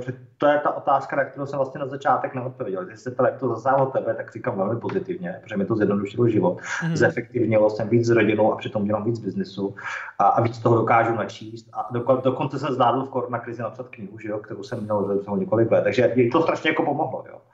A jsem za to moc rád ale firmě to jakoby na jednu stranu pomohlo, protože poptávka po zlatě zrostla 10krát, 20krát. Průšvih je, že prostě nebylo co dodávat, jo? takže musím říct, že firma přepala takový nouzovýho stavu, nouzový režim. Jo?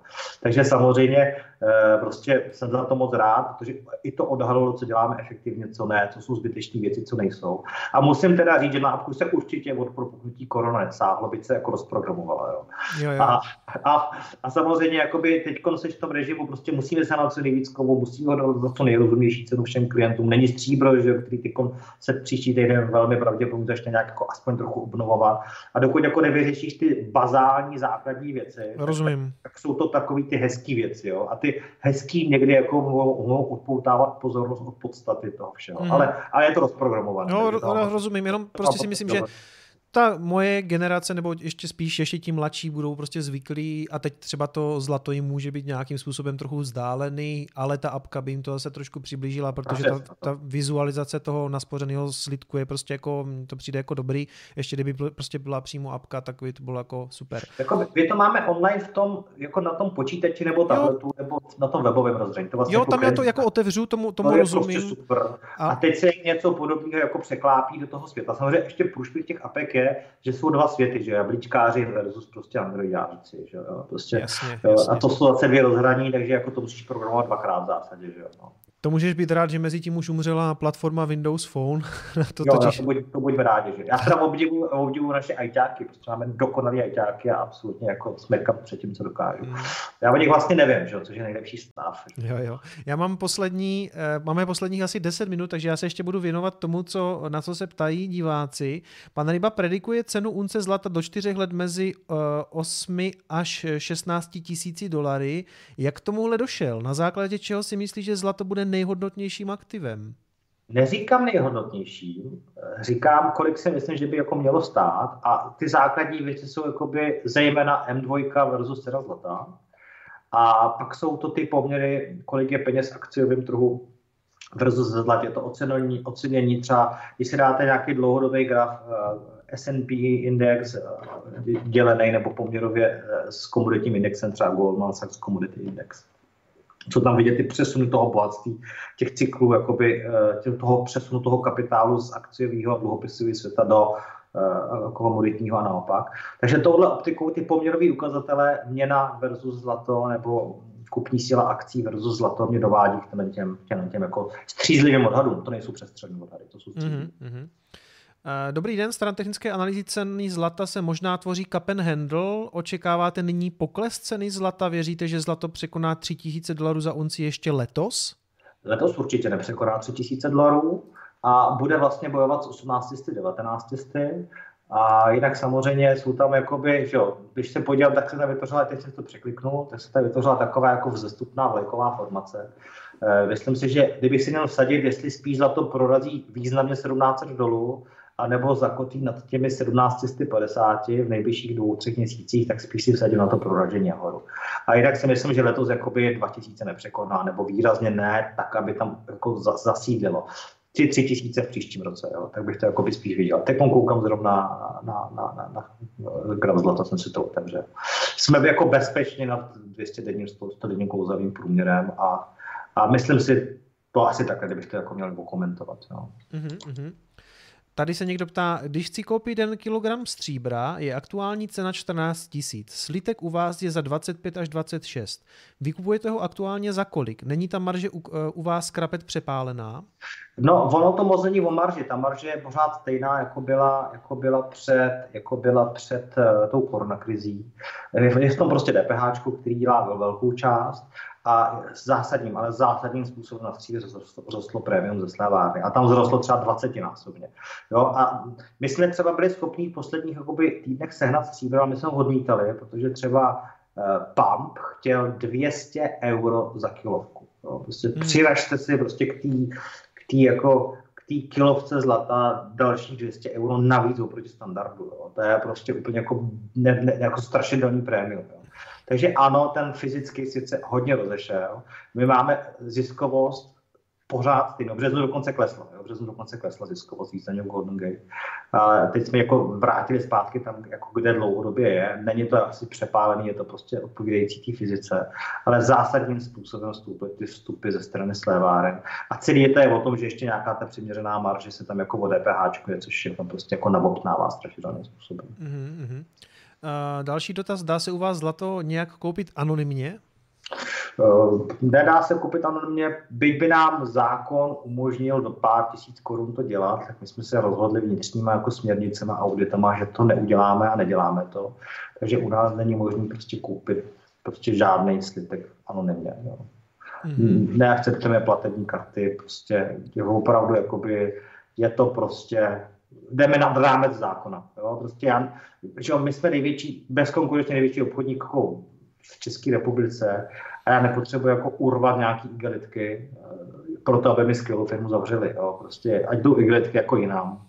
Já prostě nechci, já to nemám jako zapotřebí, já už jako asi v bohatší díky lidkám nebudu, jo. Takže, takže prostě šli jsme na rámec zákona, máme to absolutně transparentní, prostě jakákoliv hotovost je u nás zakázaná, mm. byť by to jako trošku zákon dovoloval, protože my to prostě nepotřebujeme. Jo. Já chci jako tady být za 10 let, za 20 let, já chci to zlato prostě poblíž toho maxima s těma klientama vykoupit, až to bude download jedna ku jedný nebo někde poblíž, tak organizovat do velkým ty výkupy, proto jsme v osmi slévárnách, aby jsme to zvládli všechno jako přetavit, že aby klienti dostali peníze.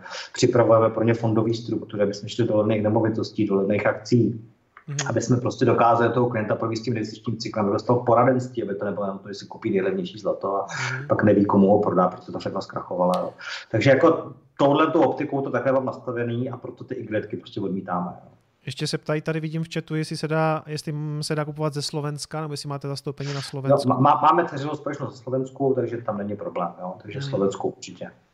No mně se mimochodem teda u vás ještě líbí eh, možnost nakoupit bitcoinem, protože si dokážu představit, že pokud by tam přišel nějaký bullrun, na který se my tady samozřejmě všichni tak trochu třepem, protože půl je za, za náma a víme, že eh, pokud eh, se budeme bavit o nějakých cyklech bohatství, tak v bitcoinu jsou, je to tak trošku čtyřletý cyklus, který tam zatím vidíme, nemusí se potvrdit, ale mohl by tam být.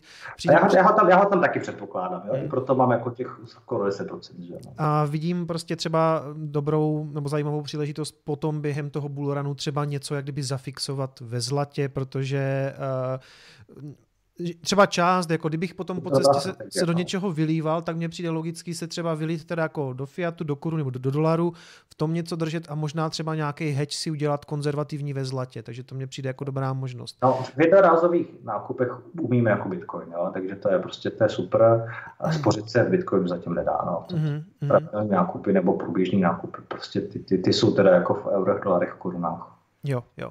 A ještě ještě už se blížíme ke konci, máme poslední dvě minutky, takže já možná, eh, no pak budu mít ještě jeden závěrečný dotaz, tady každopádně dotaz. Drží společnost Golden Gate svoje skladové zásoby ve svých skladoch? Ak ano, ak je to zabezpečené? No, tak mi to asi nepřísluší říká, takže diverzifikujeme, jak jen to jde. Na hmm. mnoha, mnoha místech. Mm-hmm, dobrá, dobrá. Těch dotazů je tady ještě spousta, ale ke všemu se prostě nedostanu. Přečetl jsem opravdu ty nejvíc jako vylajkovaný. Blíží se desátá hodina. Já mám poslední takový dotaz, který jsem ani nevěděl, jestli ho budu klas, protože mám pocit, že jsem na to odpovídal moc krát, ale Pavle, o tobě se říká, že jsi bos, který chodí bos. Uh, ty, ty, ty chodíš bosky.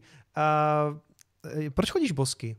Hele, to byl takový postupný vývoj. Já jsem začal chodit asi před 7-8 lety v barefootkách, takových těch bosých botech, protože prostě by to přišlo přirozený, přijde mi to jako zdravý, si člověk něco přečte o fungování těla, tak prostě bosí chození je podle mě správně. Uh, takže ta noha si postupně na tu bosou kůzi v těch barefootkách přivykala a cítil jsem, že mi to dělá prostě mentálně i fyzicky, jako z hlediska zdravotního dobře. Tak dneska to je jako hlavně zdravotní věc, jo.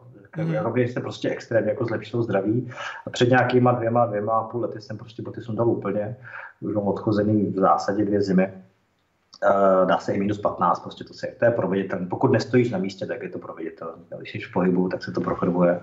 A musím říct, že je to dneska jako z 90% jako mm, zdravotní věc. Není to jako eh, země, energie a ty, ty jako ezoterické věci. Je to v žádném případě. Prostě mám to jako čistě, zlepšilo se mi zažívání, držení těla, prostě eh, nebolí záda, extrémně mi to myslí. Já vlastně, když jsem jako vždycky něco potřeboval vymyslet, jako přednášku, přednášku, knihu nebo cokoliv, tak se vždycky se zůl a chodil jsem jako boss. Jo. Takže v zásadě jakoby prostě mi to furt jako z těch bodů jako vydalo a musím říct, že se mi strašně rozjel mozek a všechno se mi jako v těle jako spojilo, jo, srovnalo. Máš tam ty akupresurní body, všechno funguje.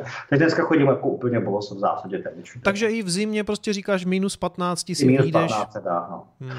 Když je sníh, tak si teda boty vezmu a to z toho důvodu, že se neudržíš na zemi. Jo. Prostě klouže to. Ta, ta, ta, ta, noha nemá, ta noha nemá podrážku a to prostě jako gravitace zvítězí. Jo. Takže to je z důvodu jako praktických, protože se prostě v tom jako neudržíš.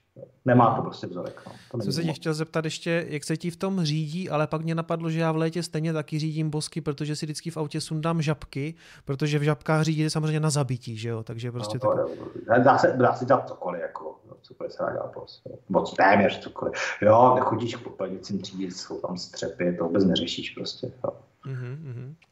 Pavle, já ti strašně moc děkuji, byl to strašně zajímavý vhled do světa, který, do kterého já pořád ještě vidím strašně málo, ale jsem strašně rád, že jsme našli společnou řeč na těch kryptoměnách, protože mám pocit, že spousta lidí z těch drahých kovů prostě se jako kryptoměnám brání, takže jsem moc rád, že jsi tomu takhle otevřený. Konec, procent, konec konců 10% v portfoliu mluví za všechno.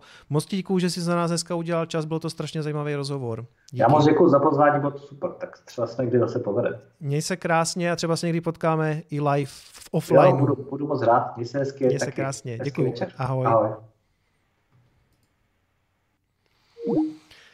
Tak přátelé, eh, zlato, respektive drahé kovy obecně jsou za námi. Myslím, že jsme odpověděli snad na všechno, na co, na co, co vás zajímalo.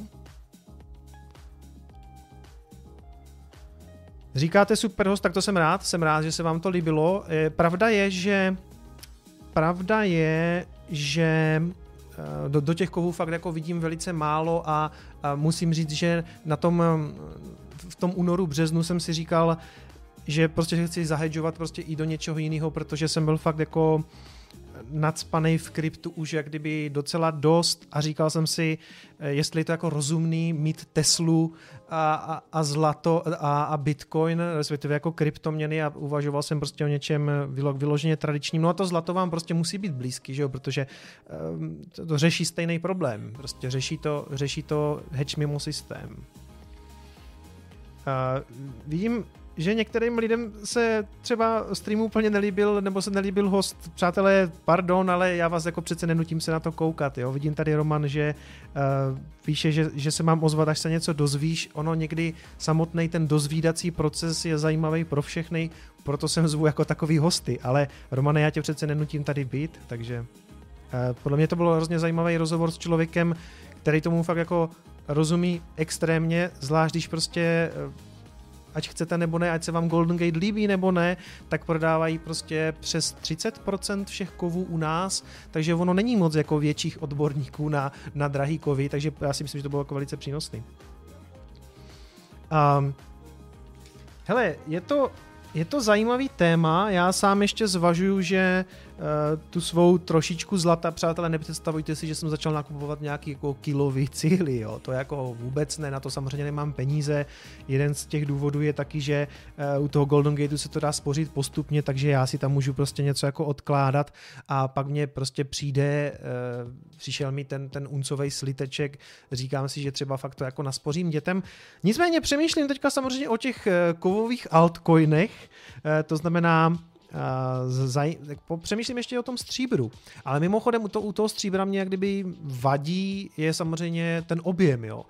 Protože to stříbro je dneska někde kolem, já nevím, 45 tisíc, takhle nějak, teďka nejsem si jistý, jestli to říkám správně, ale um, 45 tisíc za kilo.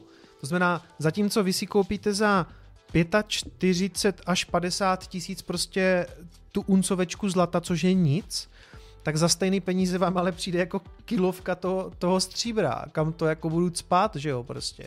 Takže eh, v tomhle mě, v tomhle mě to stříbro přijde jako horší, plus DPH, ale tak Pavel říkal, že to zhodnocení tam samozřejmě může být jako zajímavější, protože, protože tohle, že jo, uh, je podhodnocený z nějakých dlouhodobějších, z nějakého dlouhodobějšího pohledu, takže popřemýšlím ještě nad stříbrem, přátelé. A to DPH tady píšete taky, no. 25 tisíc za kilo. Aha, já jsem se tak, pardon, já jsem se, já vůbec o stříbru, stříbro vůbec jako nevedu nějak v patrnosti, takže za to se omlouvám. Přece jenom ta kilovka toho stříbra prostě... Hmm, takže, takže stříbro možná zajímavý hedge taky, platina asi ne, to, to, už, to už jako nerozumím, jo, to prostě navíc říkal, navíc říkal Pavel, že to je pro fanoušky vodíků, jako v autech a to já nejsem, já nejsem fanoušek vodíků. Přátelé, eh, máme ještě půl hodinky, takže můžeme klidně ještě pokecat, ale upřímně řečeno, eh, já si odskočím, takže vás tu nechám s tou oblíbenou vaší obrazovkou. Hned jsem zpátky.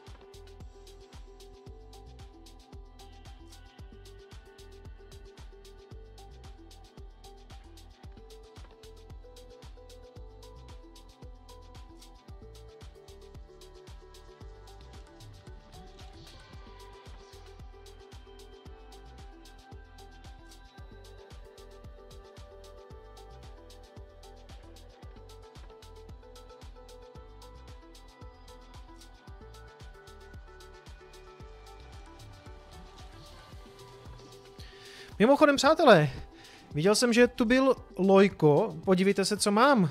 Podívejte se, co mám. Mám Urpinera.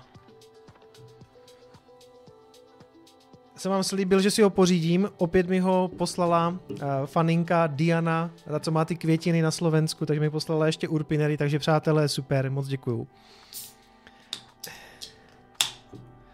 Mám tam bug v té animaci, hele, už mě to někdo říkal, že tam mám nějaký bug, musím si to, musím si to spravit. Přátelé, na vaše zdraví, připijím dneska na drahé kovy, ale my samozřejmě se tady na kanálu budeme dál držet jako kryptoměny, jo? není ze mě žádný gold bug, je to pro mě fakt jako doplněk, myslím si, že je to prostě rozumný doplněk, eh, já jsem taky strašně rád za to, jak se k tomu, jak se k tomu staví ten Pavel, že jo. Uh, Goldbug a má v kryptu 10%, to jako není málo, zvlášť když si vezmete, že na zdraví přátelé. Hele, mimochodem z těch Urpinerů mi nejvíc chutná ta 14, ten Special Pale Lager, to je fakt dobrý. Um, že v tom má 10% je hodně, když si představíte, že on má prostě fakt v těch kovech eh, jako asi velkou část portfolia, říkal, že má nějaký, že má nějaký pozemky dokonce, nemovitosti a z toho 10% krypto, tak to může být jako zajímavý samozřejmě portfolio.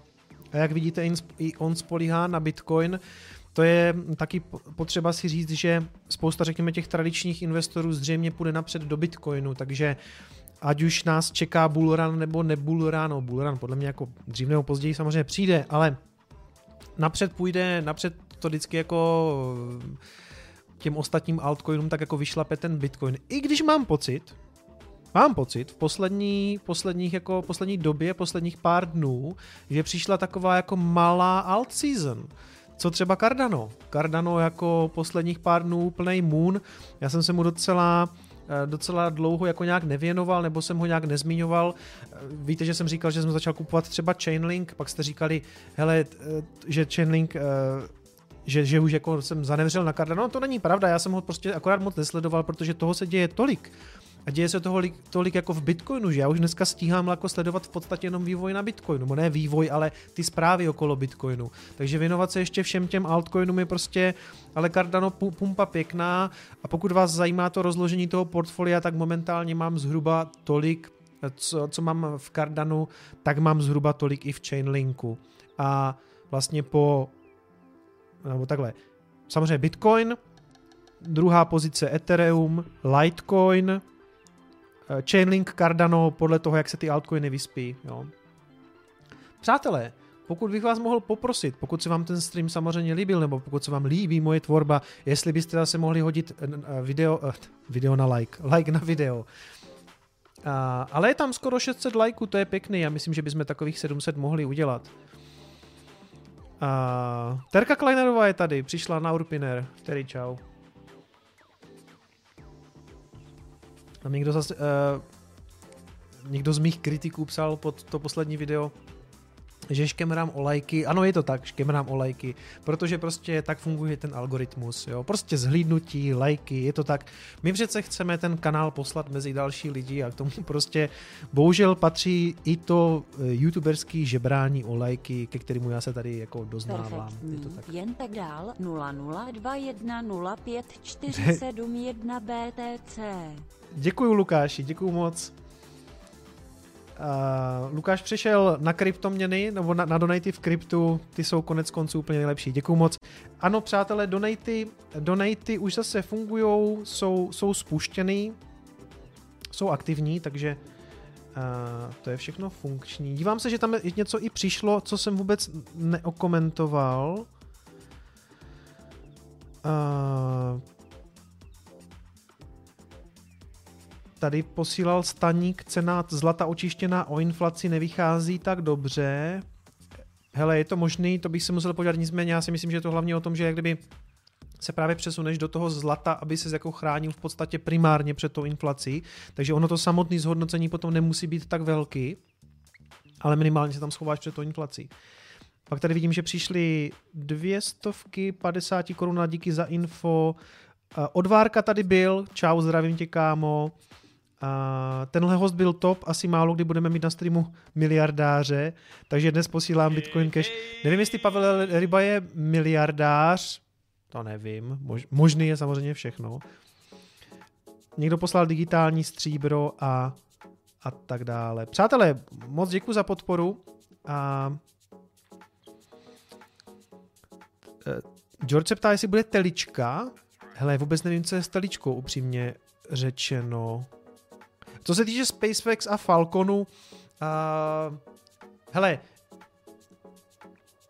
musím se vám přiznat, já jsem normálně, protože se ten start odkládal, tak jsem na něho zapomněl a byl jsem venku a pak jsem se vrátil a zjistil jsem, že, že ten start důležitý, takže jsem se na ten, na ten start toho Dragona díval ze záznamu. Je to ostuda. Pak jsem psal na Discord, že to bylo krásný, aby, aby to jako vypadalo, že jsem na to nezapomněl, ale zapomněl jsem na to normálně, jsem si to pustil až ze záznamu. Ale hele, eh, co jsme na druhou stranu, uh, jo, Teslička, aha.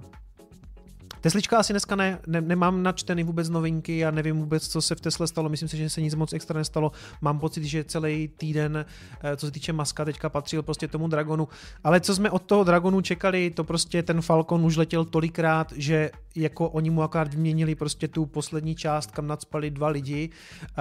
Nečekal jsem nic jiného než úspěch samozřejmě. Nebo takhle, je to samozřejmě velký je to velký úspěch, eh, řekněme, je to nový krok pro americkou kosmonautiku, která se musela spolíhat na to, že rvala teďka lidí do těch ruských sojuzů a platila za to Rusům.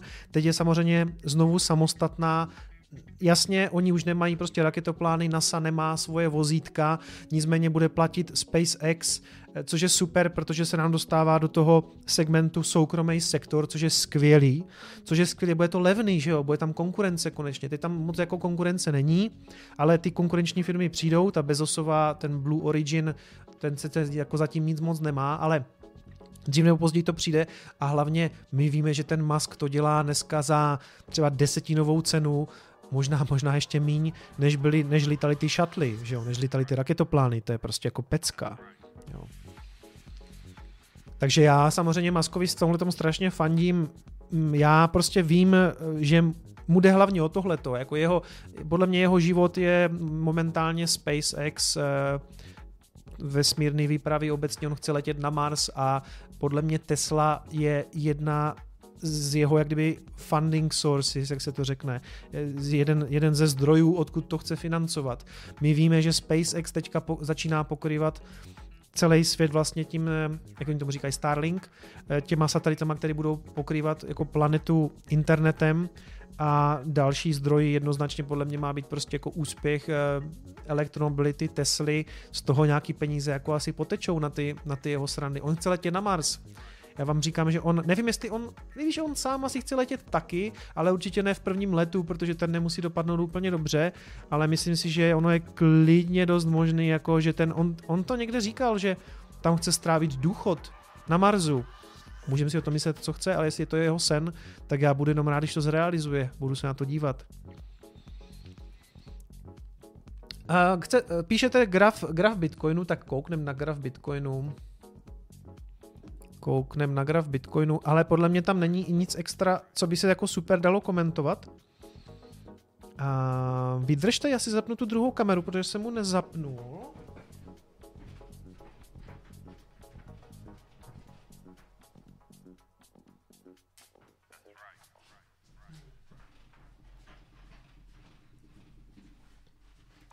Čili, přátelé,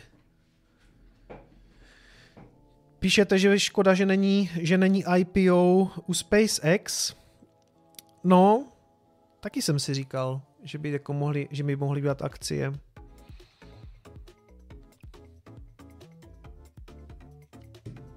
Hele, Bitcoin, jo. Mimochodem tohle je zlato. Někdo tam psal, že by se tady udělal ten cup and handle, pak by to teda mohlo vystřelit nahoru, to zlato, to, to jenom tak jako ještě navazuju na to, navazuju na to, co tady říkal, co tady říkal Pavel, uvidíme, uvidíme. Pro mě je to v tuhle chvíli spíš jako hedge, taky uložení hodnoty, jestli se mi to zhodnotí nějak výrazně, tak budu samozřejmě rád. Ale Bitcoin. Hmm. Chtěl jsem tím říct, že se ve zlatě proti inflaci neschováš právě mrkní na graf očištěný o inflaci. Hele, tak to já pak mrknu, to, to já pak mrknu. Já, to, to, já teďka přesně na, na to mrknu, to asi musím načíst. Tohleto. No, no, no. Uh, takže, teď, teď se chci stejně, přátelé, věnovat Bitcoinu. No, hele, uh, jestli si pamatujete, tak já jsem kreslil v Coinespressu tady ten klesající, uh, ten padající več, padající klín a ten docela vyšel, jo, takže neříkám, že to byla moje nějaká hrozně hustá jako technická analýza, to jsem viděl, myslím, u Moona, který to měl takhle nakreslený a v celku to jako vyšlo, že jo? To musíte jako přiznat, že to šlo. dle mýho názoru tam bude další pokus o proražení té desítky. Já vím, že o tom tady mluvím už strašně dlouho a možná si prostě říkáte, hele, Kicom pořád mele, um, pořád, pořád mele o tom, jako že prorazíme 10.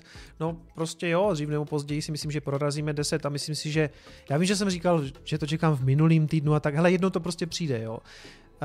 Uh, možná tady přijde prostě zase retest té spodní trendovky. Čím víc oťukáváte, čím více oťukává ten, ten support nebo ta rezistence, tím je slabší. Jo. Pokud se nestane jedna věc, může se stát, to se sem tam stane, že to ťukne že to ťukne do té rezistence a ta rezistence to jako zamítne, jako, jako brutálně, ale to znamená s obrovským objemem. To znamená, aby jsme tady museli vidět nějakou jako obrovskou svíčku na objemu, kdy prostě jako ve velkým nastoupí ti medvědi a řeknou ne, my to prostě nepustíme. Ale když se, nemyslím si, že by se to teďka mělo stát, protože když se podíváte na ten objem, teď jsme na denních svíčkách, tak objemy spíš zase klesají. To znamená, zřejmě tam jako přijde objem, velký objem, ale já ho fakt očekávám nahoru. Ale na druhou stranu, co ode mě čekáte, když já jsem permabull a vyhlížím těch 10 tisíc už strašně dlouho, jo? Oni prostě rupnou, ta desítka tam dřív nebo později přijde. A kolikrát jsme to už testovali, tu desítku? Několikrát, jo? A říkám, podle mě, aspoň z toho, co já tak jako zhruba vím o technické analýze a není toho mnoho, dřív nebo později ten, ten, ta rezistence prostě rupne a poletíme nahoru, si myslím.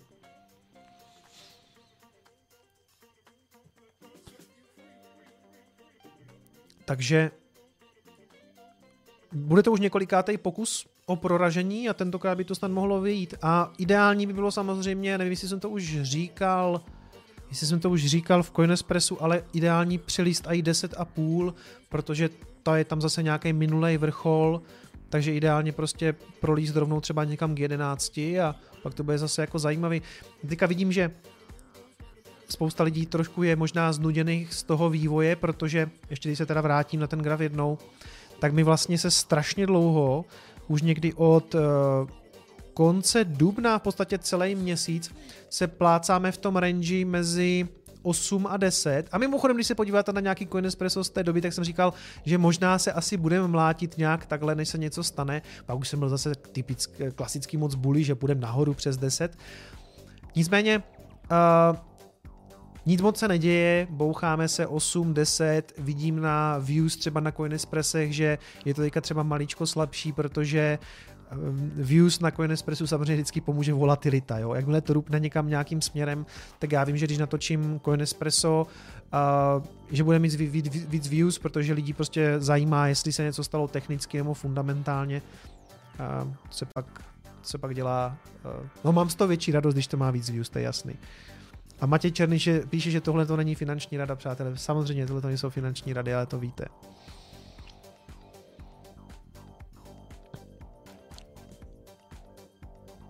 Každopádně, hele, mám fakt pocit z toho minulého týdne, mám tady telefon někde, zaj, chci se jenom podívat právě, chci se podívat, jak je pravda, že prostě ty alty pumpujou, že jo? Cardano je prostě jako neskutečný. Cardano je neskutečný, Ethereum teďka už slabší. Nicméně i ta celková úroveň kolem toho 9,5 je teďka super, to jako prostě doufám, že nepřijde nějaká, nepřijde nějaká rána dolů, ale nevidím to moc. Cardano za týden plus 50%, vidíš, to jsem ani, to jsem ani tolik nesledoval, jenom jsem prostě viděl, že já už to, já to jenom otevřu tu portfolio a vidím třeba za den prostě Cardano plus 15% super. Jenže vy to tam vlastně vidíš i další den, zase plus 15% a ono to tak jako za ono to tak za týden potom udělá jako 50%, no. Takže by ty pumpy na těch altech pro nás, eh, pro nás eh, chamtivce byly zpátky. Ale já myslím, že co se týče té chamtivosti, to tam na těch altcoiny to tam jako cítíme, že to tam trošku jako máme, že je to takový gambling, já jsem to tady zmiňoval už posledně, nebo uh, hele, tak uh, Samozřejmě, že budeme rádi, že na tom ty gainy uděláme, že jo. Prostě ten Bitcoin je takový jako fakt zlato, taková ta jistota, jistota jistý není samozřejmě nic, ale je to takový fajn. No a pak si, pak si prostě můžeme trošku jako gamblit uh, na altech. Ptáte se na dalšího hosta, upřímně přátelé, ještě nevím, ještě nevím, ale vzhledem k té pumpě bych možná mohl už konečně jsem to pořád odkládal, oslovit, nebo odkládal. Chtěl jsem, víte co, já jsem nechtěl dělat úplně hosta, protože začaly se kupit vlastně docela zajímavý uh, náměty na hosty a na, na obecně na tu ekonomiku, na Bitcoin, na Bitcoin maximalismus a Jaromír Tesař na Cardano je určitě jako super volba, ale nechtěl jsem z ničeho nic jako vytáhnout prostě jeden altcoin, o kterým se tady budeme teďka na, z ničeho nic bavit. Takže mi přišlo logicky, že ty hosty, že ti hosti třeba šli tak, jak šli, jo. Ekonomové nějací, Bitcoin maximalista, teď prostě drahý kovy a konec konců mohli bychom se příště podívat na Cardano, takže to je docela dobrá, dobrá připomínka. Napíšu asi Jaromíru Tesařovi na další stream. Je to možná docela dobrý načasování, protože Cardano nám pumpuje a myslím si, že to i z toho důvodu, že ohlásili Shelly Mainnet, že by se měl spouštět.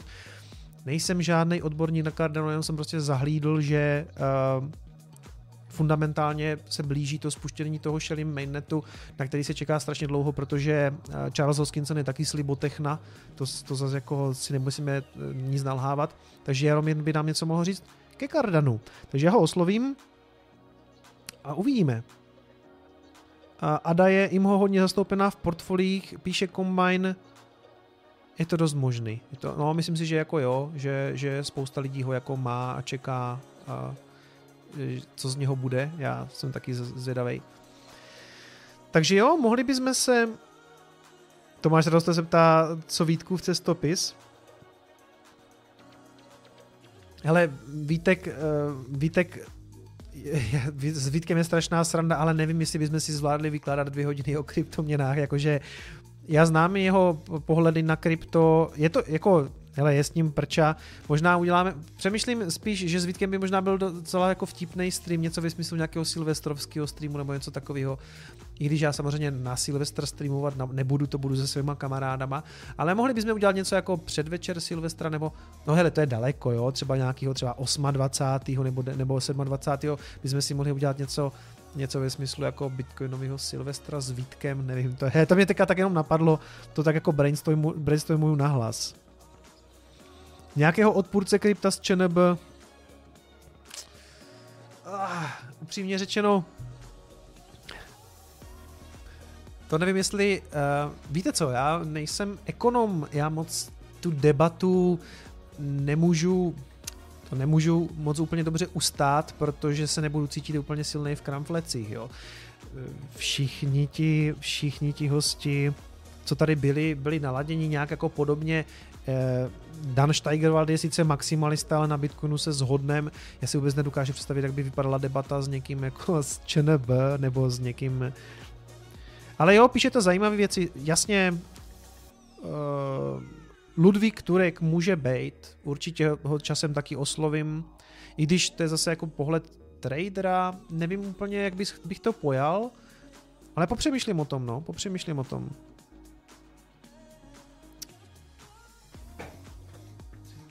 Ze slabým muzičku. Juraj Karpiš, určitě, určitě skvělý host, určitě ho časem oslovím. Nicméně mám pocit, že zase jsme teďka měli jako sice člověka od zlata, nicméně ten ekonomický přesah tam byl velký, takže zase nechci teďka úplně jako zase jít znovu do, uh, do ekonomiky. Takže um,